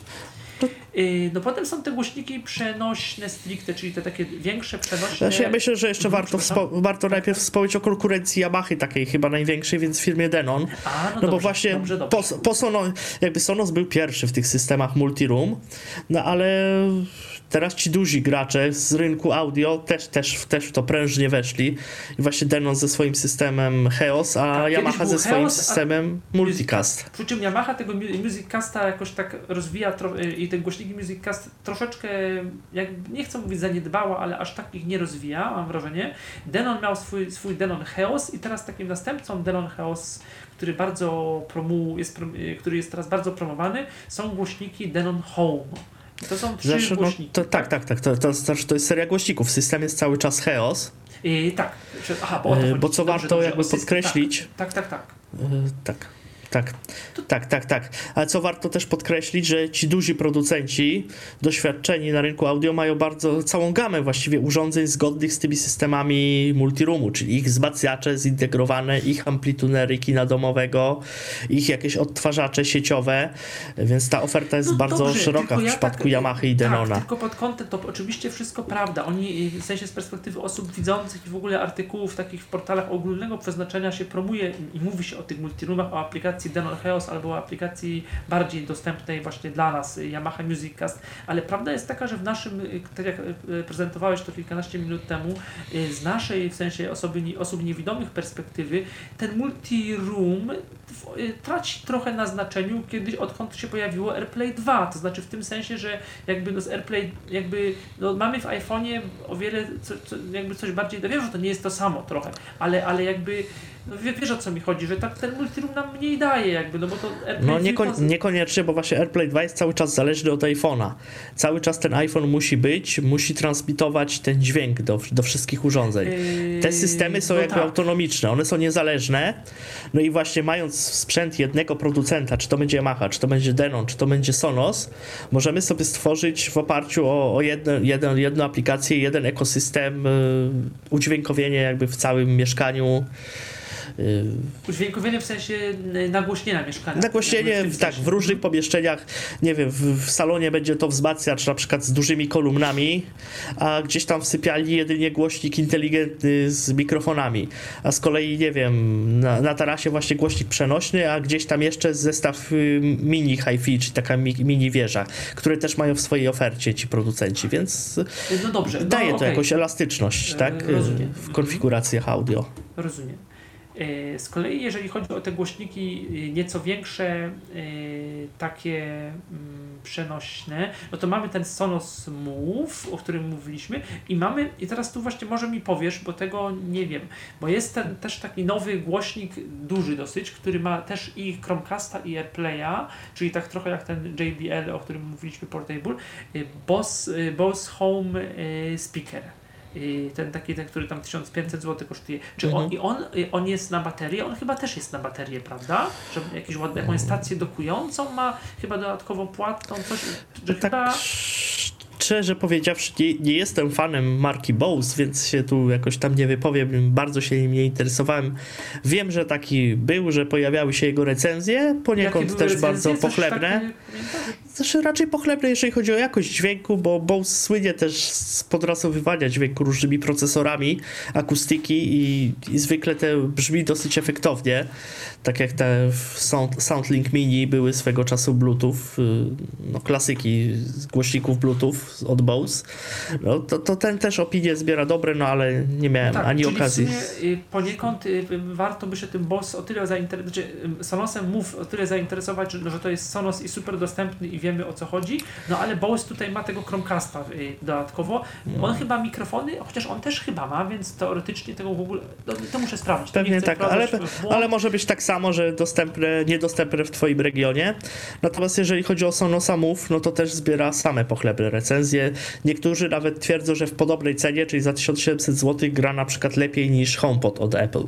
Więc y, nie miałem okazji go słyszeć, ale y, jestem w stanie uwierzyć, że Sonos zrobił to No dobrze. tak, a wtedy HomePod, no, jakby w obliczu tego zamknięcia HomePoda, no to rzeczywiście warto, ten Sonos Tak, no to robi... Zyskujemy głośnik przenośny, zyskujemy głośnik z dobrą jakością dźwięku, zgodny z systemem Sonos, bardzo dla nas dostępny. Też ciekawa propozycja, na pewno. No tak. Yy, Denon, aha, o tych Denon Home głośnikach coś powiemy więcej, tak ogólnie tylko No może po prostu, no są one 3, 150, 250 i 350, przy czym ten najmniejszy jest y, monofoniczny, to jest właśnie tak głośnik za około 800, za 1100 zł. Denony są właśnie stosunkowo drogie, nie wiem czemu, tak. Y, i to może będzie coś rzeczywiście... jak Sonos One pewnie, taki wielkościowo, tak można Tak, tak, tak, tak. mniej więcej? Nawet nie wiem, czy gdzieś nie miałem tu zapisane, ale, ale tak będzie istotne, bo Oczywiście. tak, to jest, to jest coś takiego niedużego. Składa się z y, bodajże tam dwóch głośników, bo później ta 250 to są cztery głośniki i on już jest stereo głośnikiem, po pojedynczym głośnikiem, ale grającym w stereo. No i ten największy 350 ma sześć głośników, y, też jest głośnikiem stereo, też ma jakieś tam chyba 3000. wejścia. No tak, ponad 3000, ten 250 też już ponad 2200 chyba, więc to nie są tanie głośniki, no to już są takie, A rece- recenzje jakie? Co, tak, co, co pisano o nich generalnie? no jak to marka Denon, no broni się brzmieniem, tak, bo jest to jednak brzmienie gdzieś tam strojone przez inżynierów z Denona, którzy z dźwiękiem no nie, nie od wczoraj mają do czynienia. A gdzieś Yy, było porównanie y, Sonosa właśnie One i tego najmniejszego. O tym najmniejszym w ogóle chyba mało się pisało stosunkowo, nie? Jakoś tak bardziej promowano, może do testów wysyłali te średnie głośniki, jakoś tak, tak ja przynajmniej się spotkałem z takimi Znaczy, recenzjami. Nie, nie czytałem takich recenzji nigdzie stricte audio, żeby były jakieś porównania brzmienia. Raczej skupiano się na, na funkcjonalności systemu Sonos jako takiego. No, czyli to wszystko, o czym dziś mówiliśmy, aplikacja, y, budowa systemu z różnych komponentów, no to są zalety Sonosa. Tak, no są jeszcze inne głośniki, jakieś takie szwedzkie, nowe, y, z, które są z AirPlayem i z, y, też i z, y, i z Google Castem, y, ale one są na prąd y, są, ale o nich jakby nic nie wiem, za jakieś tam chyba 1000 zł, czy ileś to gdzieś tam, nie wiem, że były w, na stronach salonu Denon kiedyś promowane. Y, potem Jest takie Polk Audio, też taki głoś Tak, Polk tak, Audio? y, tak. tak, jest, jest Polk Audio As- Assist? As- Nie, tak, Polk, Polk Audio Polk Assist. Assist, tak. Taki za 800 czy 900 zł głośnik też na prąd z Google Asystentem tylko? Czy on z, z Google Asystentem tylko? Tak, chyba? tak, chyba tak. I Ale też kiedyś bardzo, bardzo pochlebnie oceniony. Tak, on działał bardzo jakby kompatybilnie z tym, co oferowały głośniki Google Home. I tylko miał lepszą jakość dźwięku, we, przynajmniej według tam recenzentów, bo też nie miałem z nim jakiejś tam Tylko właśnie, to styczności. było wtedy na początku jeszcze, kiedy ten Google Asystent wszedł, bo to recenzja była, pamiętam, taka Tak, na tak, Fingerful tak, rok tak. temu w lutym. I może Dokładnie się tak. okazać, że on teraz już też mówi po angielsku tylko.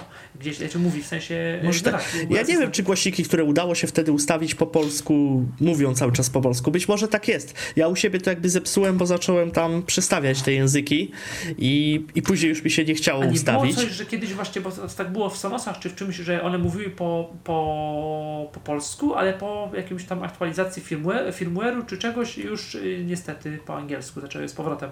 Możliwe, możliwe, że to był firmware, możliwe, że to spowodowały moje zmiany ustawień.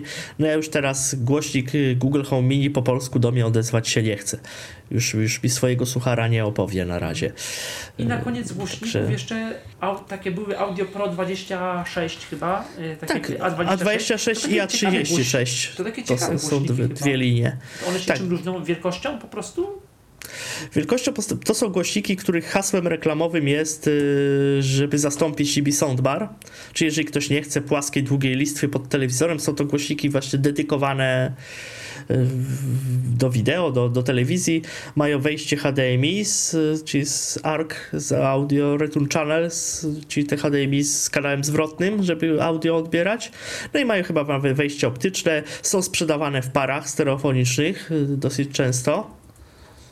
Y, No oczywiście Przy czym ten-. One tak cenowo Tak. to wychodzi nie najgorzej, bo chyba Ten około dwa- A20, ja tu mam, ja tu mam 2000 ceny. A26 kosztuje 2149, Za dwie sztuki, tak? A3, A, A36 3499. To jest Mhm. po prostu większe. Rozumiem. I one, Też, też bardzo pochlebne recenzje tak, I odbierają. one, no wiadomo, AirPlay 2. Też mają AirPlaya, tak. Spotify Connect, ale też te głośniki, tylko to by trzeba, ale to chyba jest akurat dostępne, chociaż tam nar- narzekali, że kanciaty bardzo, ale te głoś, e, e, nie głośnik, tylko pilot, te głośniki mają w sobie Tak. pilota. Mają pilota. Do sterowania, w sensie do jakichś tam przy, y, ileś przycisków funkcyjnych do właśnie zaprogramowania Tak, ulubionych rzeczy. czegoś Mhm. takiego. I to, to może nie być głupie. Tak, no to recenzent, y, jak czytałem ich jakoś recenzję, bardzo sobie to chwalił, że właśnie y, pilot, y, bardzo podobno też ładny jest ten pilot aluminiowy, minimalistyczny i właśnie zaprogramowane może mieć kilka funkcji. Czyli no, chociażby ulubione radio czy ulubione źródło muzyki, to, to na pewno jest duży plus. To teraz proponuję, żebyśmy przeszli do trzeciej, zarazem pewnie ostatniej takiej dużej części audycji, czyli omówienia, opowiedzeniu, y, opowiedzenia o protokołach, o których już tak mówimy, te słowa tak nam się Mhm. y, pojawiają przez całą audycję. E, AirPlay, Google Tak, Cast, my, myślę, że to będzie. Tak, tak, będziemy chyba zmierzać ku podsumowaniu, więc y, tymi protokołami warto to jakby podsumować, y, bo one też determinują pewną funkcjonalność głośników, tak? Czy, czy mm, z pewnego względu warto wybrać ten lub ten, bo, bo coś obsługuje. No i co? Co to w ogóle jest, co to w ogóle jest AirPlay? I czym się różni AirPlay 2 od... y, Albo po czym poznać AirPlay? No, chociaż trochę już o tym powiedziałeś w sumie, ale Mhm, u- u- powiedzmy to o tym. Tak. No, zawsze AirPlay jakby już, już w iPhone'ach jest od dawna, nie wiem nawet od, od kiedy, ale była to technologia Apple e, przysyłania dźwięku, służąca do przysyłania dźwięku i obrazu na zgodne urządzenia. Przede wszystkim było to na przykład Apple TV jako przystawka, e, ale teraz swego czasu też e, Apple jakby uwolniło ten protokół, dając możliwość wkładania go w urządzenia innych producentów. I, I wtedy właśnie rozpoczął się wysyp różnego rodzaju głośników z AirPlayem, urządzeń typu właśnie wzmacniacze amplitudery obsługującymi AirPlay, teraz y, telewizory już obsługują AirPlay, y, więc jest to, jest to bardzo wygodna metoda przesyłania dźwięku i obrazu. Y, przy czym teraz AirPlay 2 wniósł przede wszystkim to, że jest połączony z jakby z HomeKitem, czyli z, z tym, co mówiliśmy w poprzedniej audycji o inteligentnym domu. Można urządzenia zgodne z AirPlay 2 dołączyć do aplikacji dom i przyporządkować je do wybranych pomieszczeń i obsługiwać je za pomocą Command Siri, wywoływać je w skrótach jakichś, w akcjach spowodowanych wydarzeniem z, z, w domu no, cały szereg jakby funkcji związanych z HomeKit, z obsługą inteligentnego domu. Mogą być w to włączone głośniki zgodne właśnie z AirPlay 2. I ponadto doszła właśnie ta funkcja bardzo ciekawa, którą pokazywałem, czyli właśnie taki multi-room, że można wybrać kilka tych urządzeń, żeby grały jednocześnie ten sam dźwięk, y, na przykład właśnie w kilku pomieszczeniach, co z urządzeniami AirPlay 1 też nie było możliwe. No i, I, tu możemy sterować co, konkurencją oczywiście. Z poziomu, z poziomu iPhone'a, możemy sterować w ogóle z poziomu całego Apple'a, tak? Bo w sensie z iPhone'a. Znaczy tak, z poziomu urządzeń Apple, tak. tak. Czyli Apple Watch, iPhone, aplikacja, no właśnie ta aplikacja do sterowania yy, odtwarzaniem z Watcha, yy, no Apple TV, yy, Mac. No tak, no jest mocno zakorzeniony w ekosystemie Apple, więc tu wszystko działa nawzajem bardzo, bardzo jakby fajnie. To przesyłanie, no jest, jest, jest bardzo stabilny też. Trzeba przyznać, że AirPlay jest, jest dosyć stabilny, jest taki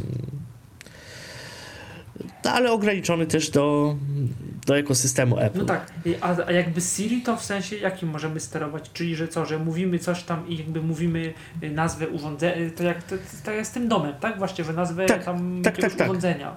On coś tam. Hmm. No poczekaj, spróbuję, nie wiem czy on tam zadziała, ale weźmy na iPhone'ie. Play Michael Jackson in Studio. Sure thing. Now playing Michael Jackson. O nie.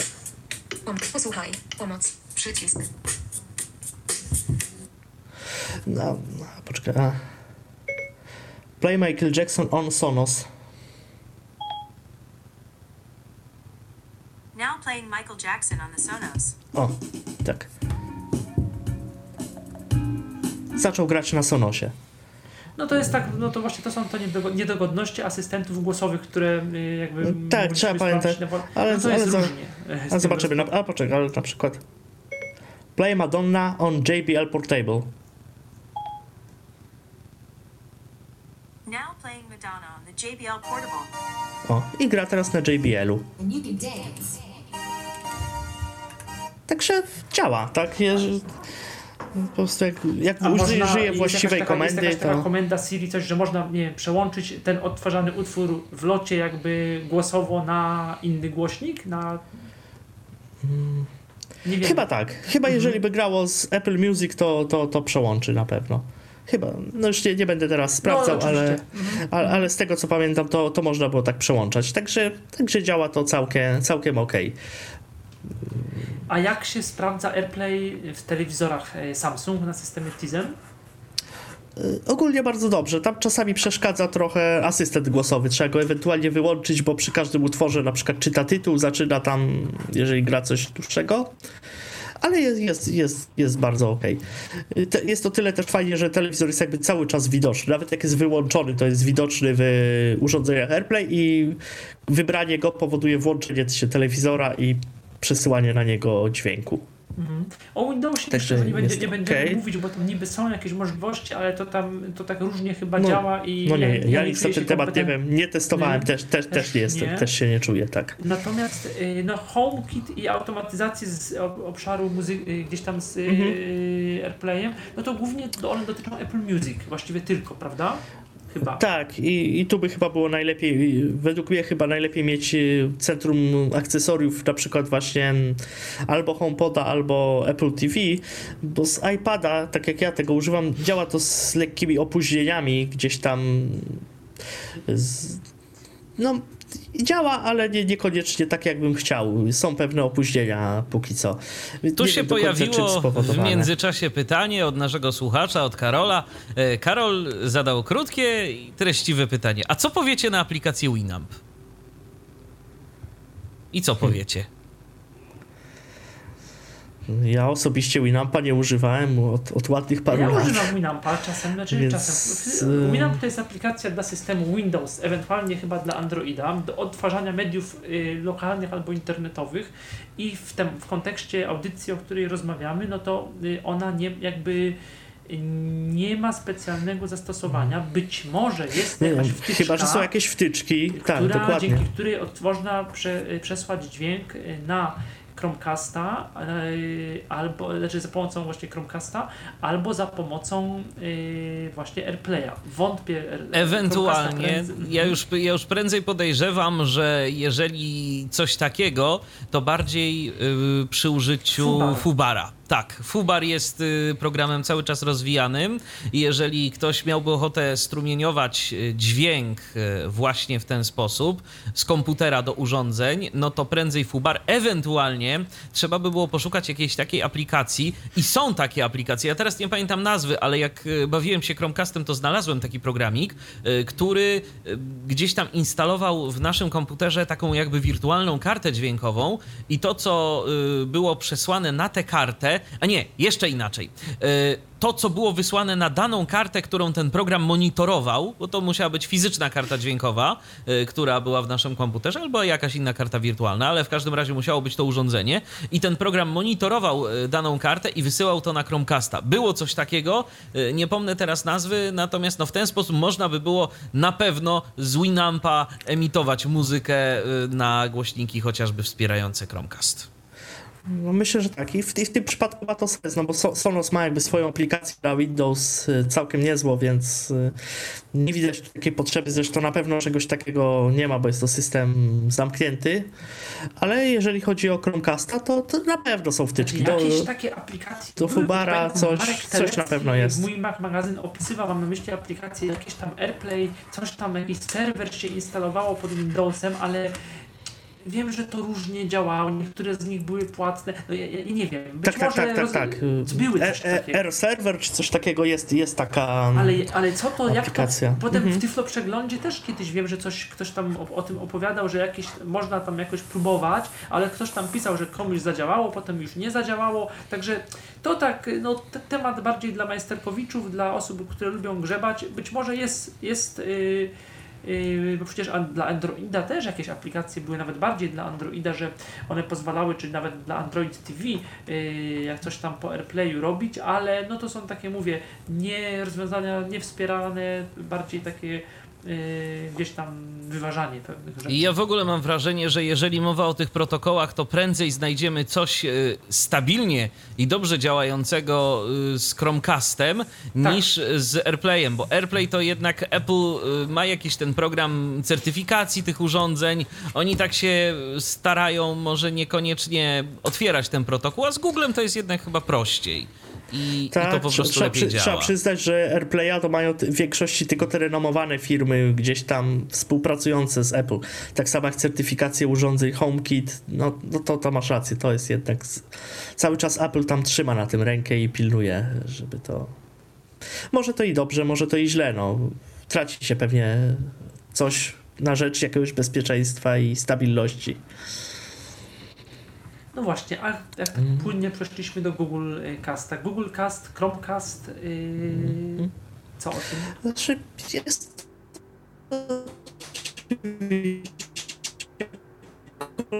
konkurencyjny system. No jego, no jego największą wadą jest to, że jest dostępny tylko w, w części aplikacji. Jest, także nie, mamy, nie ma tej uniwersalności. W sensie, w sensie takim, że aha, że, że nie jest dostępny jakby cały No nie jest tak systemowo, systemie, tylko tak, w określonej usłudze, tak, tak, tak. aplikacji jeszcze usłudze, bo to jest to rozgraniczenie na audio i rozgraniczenie na wideo. Tak, w- tak. w sensie. YouTube, YouTube używa Chromecasta wideo, więc możemy mieć Chromecasta do tego fizycznego kupionego do telewizora. Jeżeli chcę na telewizor z teaserem, to muszę go włączyć i, i odpalić aplikację YouTube. Więc tam kilka takich rzeczy jest. y, Jest y, Tak, no tu sobie minusów. jeszcze Pewnie e, z odnośnie Androida wideo jest to lepiej. e, jakby to, to głównie do Chromecasta, do telewizora, czyli nie, e, bo my mówimy o głośnikach, więc niekoniecznie, ale no jeszcze jedna istotna aplikacja Netflix. Ona też bardzo ładnie Chrome, Google Casta wspiera i No Chromecasta tak, właśnie. tak. Netflix, Netflix tak, z tych, z tych no ci duzi gracze starają się wspierać wszystko, co możliwe, tak? Natomiast tu, tu jest tak, jak jest. No i trzecim takim właściwie systemem przesyłania dźwięku popularnym jest y, usługa Spotify i, i Spotify Connect.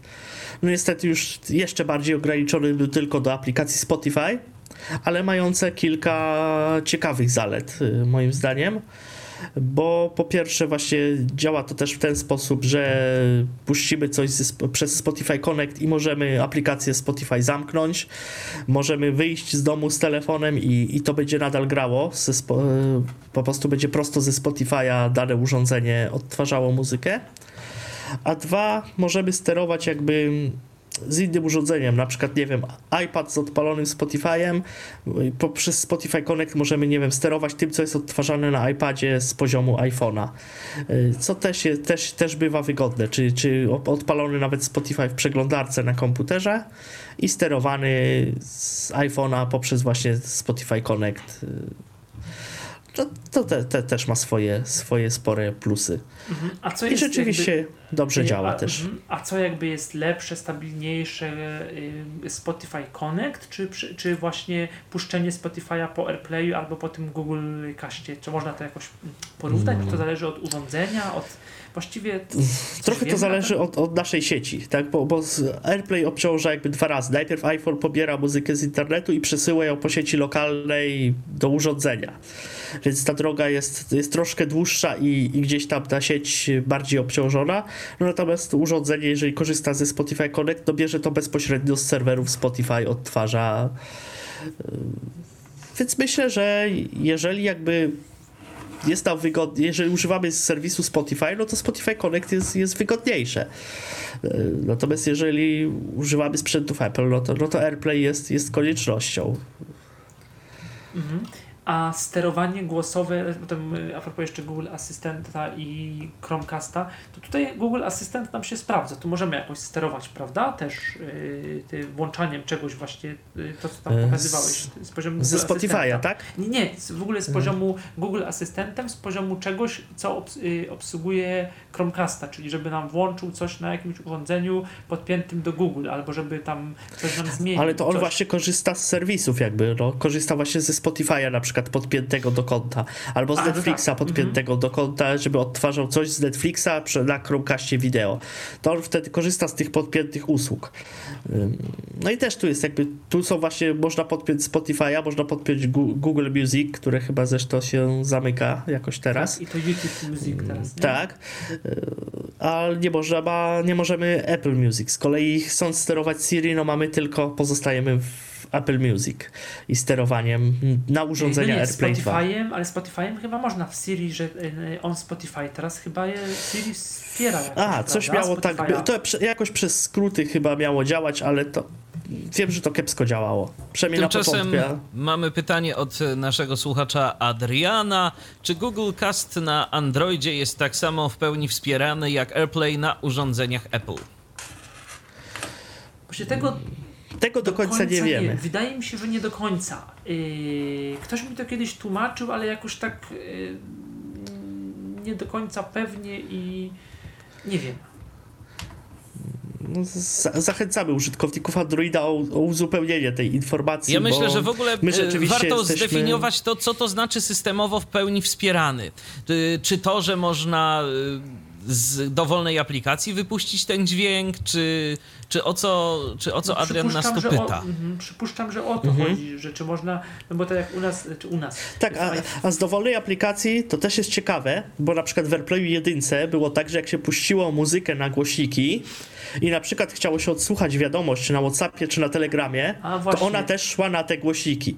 A teraz już przy AirPlayu dwójce, nawet jakbyśmy chcieli, to chyba nie mamy możliwości puścić na te duże głośniki tej wiadomości. Ona jest już odtwarzana lokalnie, y, więc... to jest y, też ciekawe, te, bo na przykład te systemowa obsługa się też zmienia.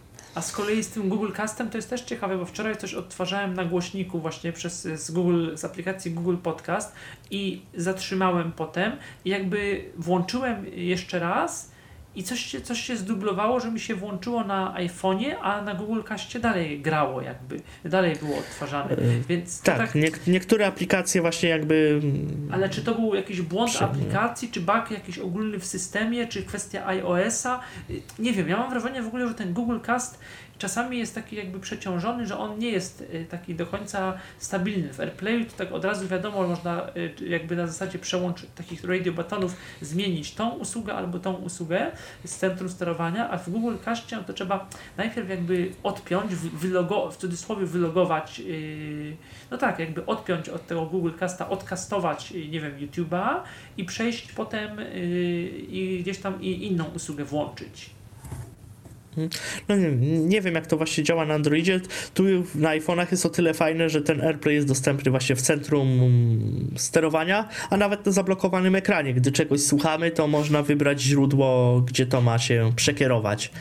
Więc no to jest wygodne, na pewno. AirPlay przy urządzeniach Apple jest, jest dopracowany dobrze. Właśnie, a, po, a jakby tak porównać jeszcze y, AirPlaya i Google Cast, znaczy w, no to, to w sumie tylko to można będzie zrobić w przypadku tego głośnika y, JBL y, Link Portable, ale chodzi mi o to, jakbyś na przykład coś chciał przełą- przełączyć, żeby było z AirPlaya na Google Cast i odwrotnie, czy zaobserwowałeś tu jakieś różnice trochę jakościowe, trochę właśnie jakieś problemy, problemy albo nie problemy, albo właśnie może plusy, jakieś techniczne zmiany urządzeń, przełączanie tych źródeł, kontrolowanie jednego, jed, jednego przez drugie, jakieś pewne zawieszanie się tych urządzeń, nie, no nie wiem, tak trochę rzucam różne tematy. To znaczy, wiesz co, no nie robiłem jakichś takich eksperymentów, żeby próbować to, nie wiem, zawiesić, przełączać jakoś. y, no na pewno, no wiesz, y, tak jak już wspominałem, tego Chromecasta zaletą jest to, że ja mogę tą aplikację wyłączyć, bo to jak ja już przełączę to, ten Chromecast, to on już gra jakby też z TuneIn. On już to radio, ten JBL bierze prosto po Wi-Fi z serwisu, tak, z sieci. To wtedy już iPhone nie pośredniczy w tym. Dlatego są te różnice w obsłudze, o których mówisz. I wtedy na przykład jak co? I wtedy jakbyś w TuneIn wybrał jakąś inną stację radiową, to ona by grała z, znowu z iPhone'a, czy by grała... Nie, nie, się cały czas to ustawienie w TuneIn jest, jest kastowanie, więc steruję tym JBL-em, ale na iPhone'ie mogę na przykład z innej aplikacji odtworzyć sobie coś lokalnie. I to nie Mhm. będzie szło na JBL-a, tylko będzie szło sobie lokalnie. Więc jakby Ja Chromecast jest taki yy, niezależny. Ja muszę właśnie sprawdzić, jak to wtedy jest z innej, ale nie, bo Cast chyba działa lokalnie też według aplikacji, że na przykład jakbym z jednej aplikacji, tak jak mówisz, w Kaście i jakbym z drugiej aplikacji, ale która też obsługuje Casta, czy by wtedy się przełączy, yy, co by się wtedy stało, ale wydaje mi się, że ten Cast działa yy, w ramach aplikacji każdej, osobno. Chyba tak, no, aż takich testów nie robiłem. On jest jakby właśnie usługą taką, że, że to się tylko steruje i przełącza, skąd ma sobie brać ten, ten głośnik y, dźwięk. On to nie jest, on nie pośredniczy, ta aplikacja nie bierze udziału w przesyłaniu tego dźwięku. Yy, no Ona tak, tylko wskazuje głośnikowi, skąd on ma go sobie brać. Stąd jest taka najważniejsza różnica tego. Yy, za pomocą, aha, to, to już mówiliśmy o Siri i czy można coś uruchomić na Google Cast za pomocą Siri i, i, i gdzieś tam, a na Google Asystencie na urządzenie z AirPlay 2, no, to- no to jakby też zależy trochę od urządzeń, od usług i, i jak to tam, jak to tam działa. Yy, Spotify Connect, y, AirPlay i y, i Google Cast, no to powiedzieliśmy i właściwie możemy chyba się zbliżać do końca, prawda? Nie wiem, czy o czymś jeszcze Też tak myślę. To ja mam tu Nie, taki komentarz, który Mhm. pojawił się na początku na- naszej audycji, ale w sumie on jest dobry na podsumowanie, bo Tak. napisała do nas Kaja i napisała do nas tak. Witam was kochani, zawsze odnosiłam i odnoszę się z rezerwą do tego typu sprzętów. Mam nadzieję, że Tyflo Podcast dzisiejszy mnie do tych sprzętów przekona. Kto wie, nie zamykam głowy na to. No tak. Znaczy, nie napisała dlaczego podchodzi z rezerwą, żebyśmy mogli te argumenty jakoś tam obalić. Ale myślę, że jest to w pewien sposób nieunikniona droga. Znaczy, jest to coraz popularniejszy sposób słuchania muzyki. Te głośniki są w większości niewielkie, sterowane tak? też mediami, tak? W ogóle w- wszelakimi gdzieś tam, no bo tu trochę sterowane, no bo trochę tu sterujemy gdzieś tam Tak, ale iPhone'em. no przede wszystkim no głosowo. nie każdy chce Mhm. Nie każdy chce kupować drogi zestaw stereo, nie każdy ma na niego miejsce, a jednak każdy muzyki, przynajmniej większość znanych mi osób słuchać lubi.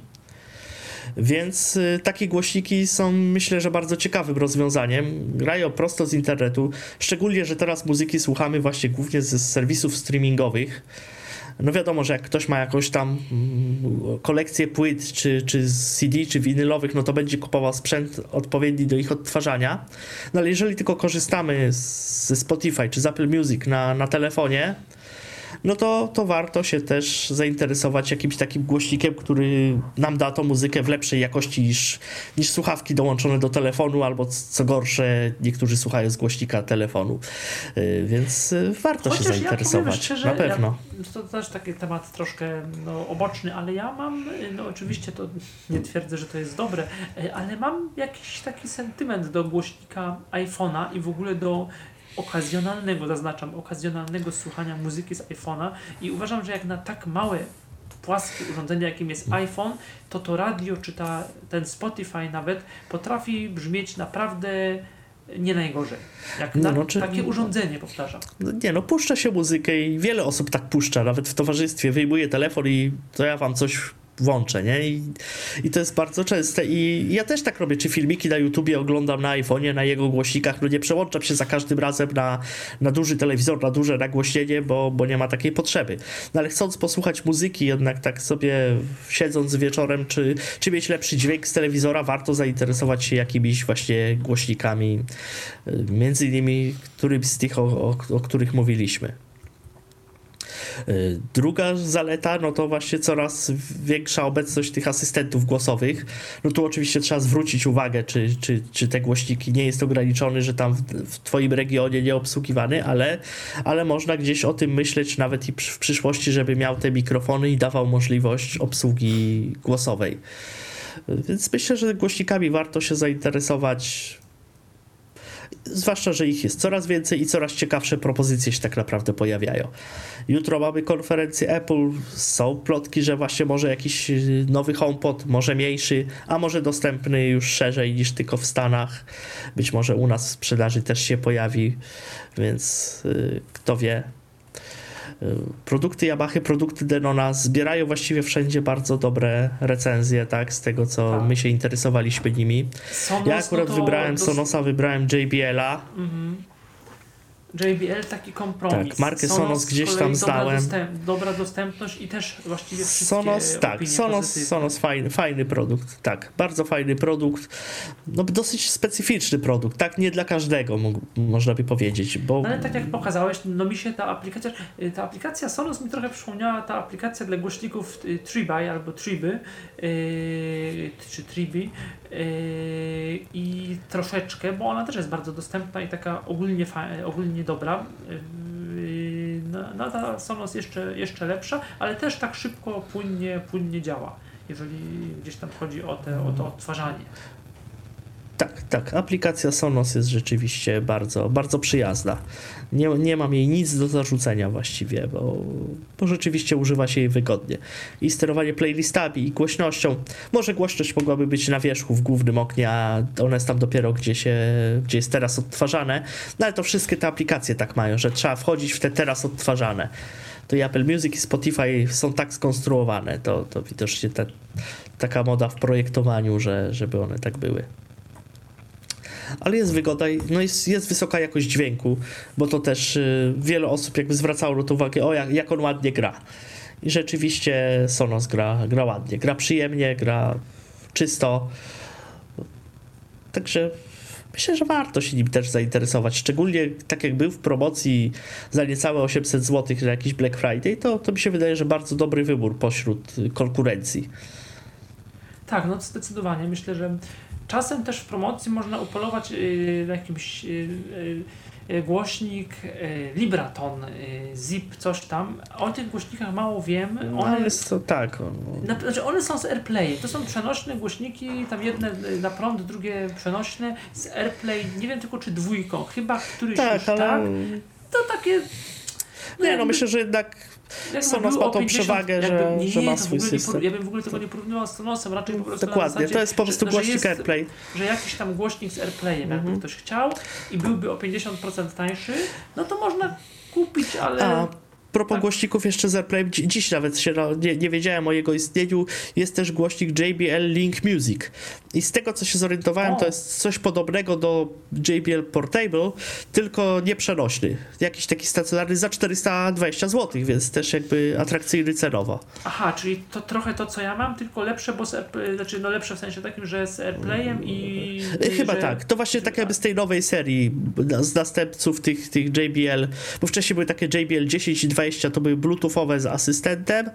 Te JBL Link 300 i Link 500 to takie dwa y, podłączane do prądu z, też z asystentem i i JBL, i teraz właśnie chyba są tacy trochę następcy, ten JBL y, Link Music i Link Portable.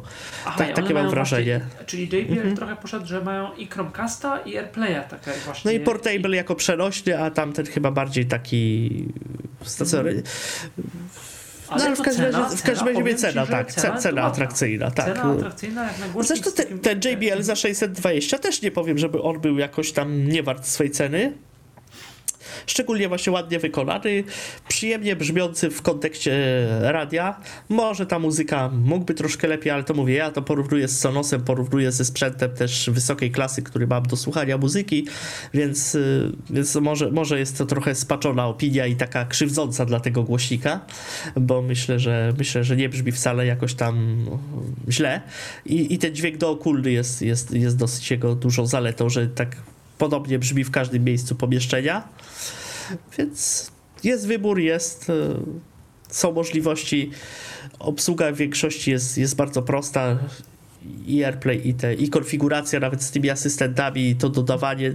Nie napotkałem żadnych problemów ani dostępnościowych, ani jakichś takich e, technicznych, więc e, jeżeli ktoś potrzebuje takiej funkcjonalności, to zachęcam chociażby do przetestowania. Nawet tego Solosa, tak jak mówiłeś, że 100 dni można wypróbować gdzieś tam.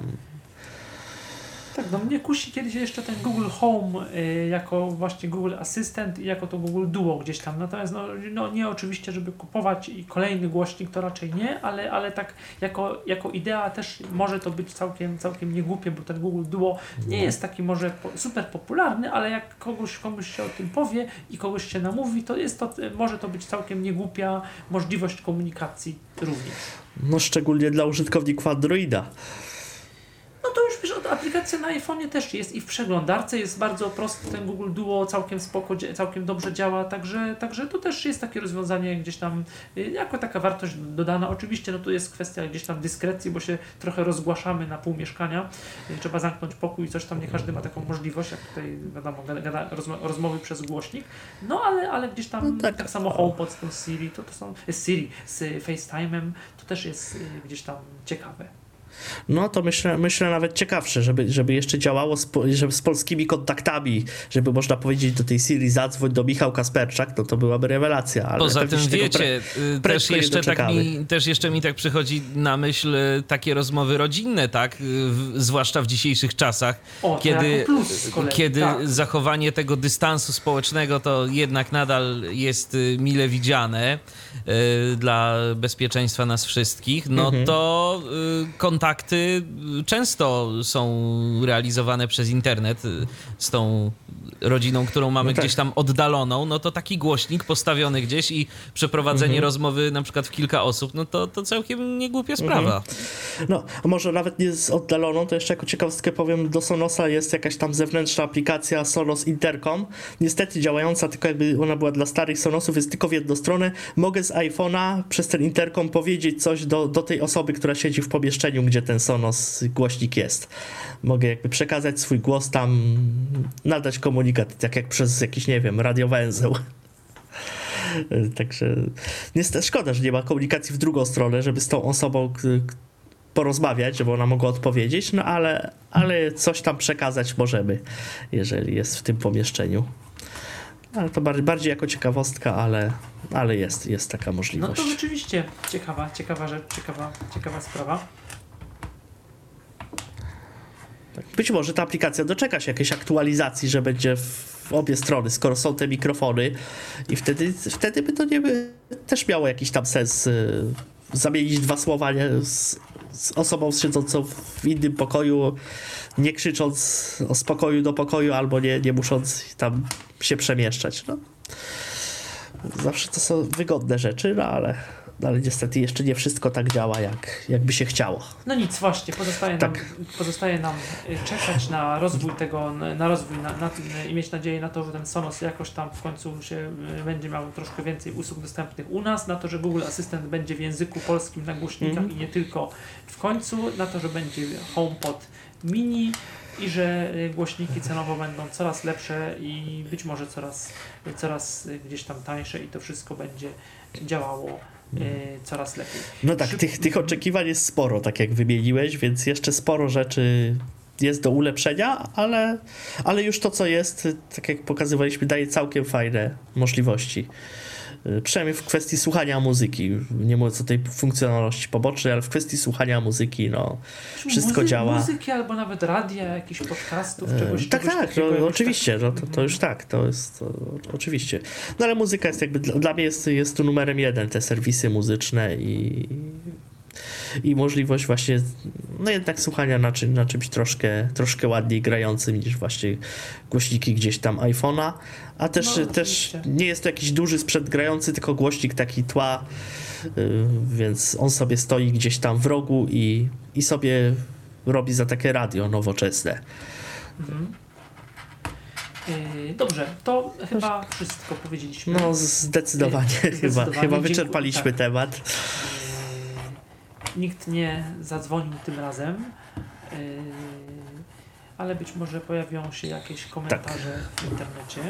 Oczywiście Yy. zachęcamy do uzupełniania naszych informacji, bo niektóre rzeczy przeszliśmy tak ym, pobieżnie, szczególnie właśnie ten Chromecast, szczególnie działanie tego na Androidzie, więc jeżeli ktoś ma jakieś doświadczenia, to, to bardzo chętnie myślę, że poczytamy tak w komentarzach, y, jak to działa, co działa, co nie działa, czy być może jakieś inne głośniki ciekawe, bo, bo też jeszcze być może będą jakieś decyzje zakupowe przed nami, tak? Ja przedstawiłem te dwa, które ja wybrałem. Czy był to wybór najlepszy? Nie wiem. Był to mój wybór, tak? Bo akurat tak się zdecydowałem na te marki. Brzmią jak brzmią, może, może mogłem wybrać lepiej, może, może gorzej, tak? Bo, bo widzę, że tej konkurencji jest też dużo, tak jak Yamaha, tak jak Deron. No ale to byś wiesz, no to też, tam, no to, też, to też trzeba zwrócić uwagę na tak. dostępność, tak? No to bo... właśnie, nie ma być dostępnej aplikacji znowu, więc... Ty to miałeś tak, na przykład do, czy- o- do czynienia z aplikacją Chaos, miałeś, tak. tak, i- i jest że ona jest słabo dos- dostępna, tak? nie jest, a nawet jak jest, Więc to jest no na, trzeba- na, trzeba uważać zawsze. Mhm. że, że to jakby nie ma większego sensu. No też nie wiedziałem, co miałbym z tą aplikacją aż tak, Tak. robić, no bo to w dobie mm, gdzieś tam mówię tego AirPlaya czy tego Spotify Connect, tam to nie, nie, mia, nie miałem większych potrzeb, tak? Niby tam- tak, ale no jednak, no ale jednak z aplikacji Sonos można korzystać, tak? Bo dzięki temu, O, że jest dostępna, jest ona funkcjonalna, tak? Bardziej, tak? To, to, to, Tak, chce się z niej korzystać i, i, puszcza, i włączać radia za jej pomocą, a niekoniecznie używać AirPlaya i na przykład zużywać baterię w iPhone'ie do Tak. ciągłej transmisji. Yy, więc, więc myślę, że to mam nadzieję, że jeżeli to ktoś tak, się interesuje, to, to, tak, jakby że jak- pomożemy. To jest tak, że jak włączymy jakieś radio z tej aplikacji Sonos i potem zapauzujemy przyciskiem tym na głośniku, to potem co? To y, kontynuowane będzie to ra- wybrane radio Tak. ostatnio, albo Tak, tak, źródło, tak, tak, tak, tak. Je- Jeżeli tam nie będzie jakiegoś zaniku internetu, coś, coś tam się nie zadzieje, to ono jest, jest cały czas gdzieś I tam w, w por, i, pamięci. w por, I w Link Portable podobnie, jeżeli chodzi o Chromecasta i AirPlaya, czy... E, Tak, ta pauza, Raczej pauza też działa, ten przycisk jako pauzowanie. Nie patrzyłem, czy po jakimś czasie to zapomina, nie, nie mam tu jakiegoś no, szczególnych cast doświadczeń. Po godzinach y, znika. On, myślę, tam. że tak, myślę, że on gdzieś tam zniknie, ale w Sonosie też, w Sonosie też się to zdarza, że on e, jest takie wtedy podwójne takie piknięcie, on tak, bo on ma takie, o, nie wiem czy to słychać, te jego dźwięki, Tak, troszkę. tak głośniej, ciszej jak się robi, a jak jest taki właśnie, to jest taki tudum, to jest taki błąd jakby, że nie ma, nie ma nic bieżącego do odtwarzania. I wtedy trzeba po prostu z aplikacji coś, coś tam włączyć. No nie, ja, ja Sonosa, Sonosa muszę powiedzieć, że polecam. No nie, nie mogę jakby mu nic zarzucić. Jeżeli ktoś jest gotowy wydać tą nieco wyższą kwotę na, na głośnik i jakby znając te wszystkie ograniczenia, czy pewno, pewne zamknięcie ekosystemu, ale, ale za to świetną zgodność, dostępność z urządzeniami Apple, to ja Sonosa z czystym sumieniem mogę polecić, że jest to jednak, jednak wysoka jakość urządzeń. Przynajmniej tych, z którymi miałem do czynienia, to rzeczywiście y, Sonos zawsze był na wysokim poziomie. Przypomnę, że audycję e, realizował Michał Dziwisz. Gościem był Radek Morawski, któremu bardzo dziękuję. Dziękuję, że przyszedłeś i opowiedziałeś nam o tych y, głośnikach wszystkich i rozwiązaniach. Tak, dzie- Dziękuję za zaproszenie. Audycja niedługo pojawi się w, na stronie tyflopodcast.net. Y, mówił Michał Kasperczak. Był to Tyflo Podcast. Pierwszy polski podcast dla niewidomych i słabowidzących. Program współfinansowany ze środków Państwowego Funduszu Rehabilitacji Osób Niepełnosprawnych.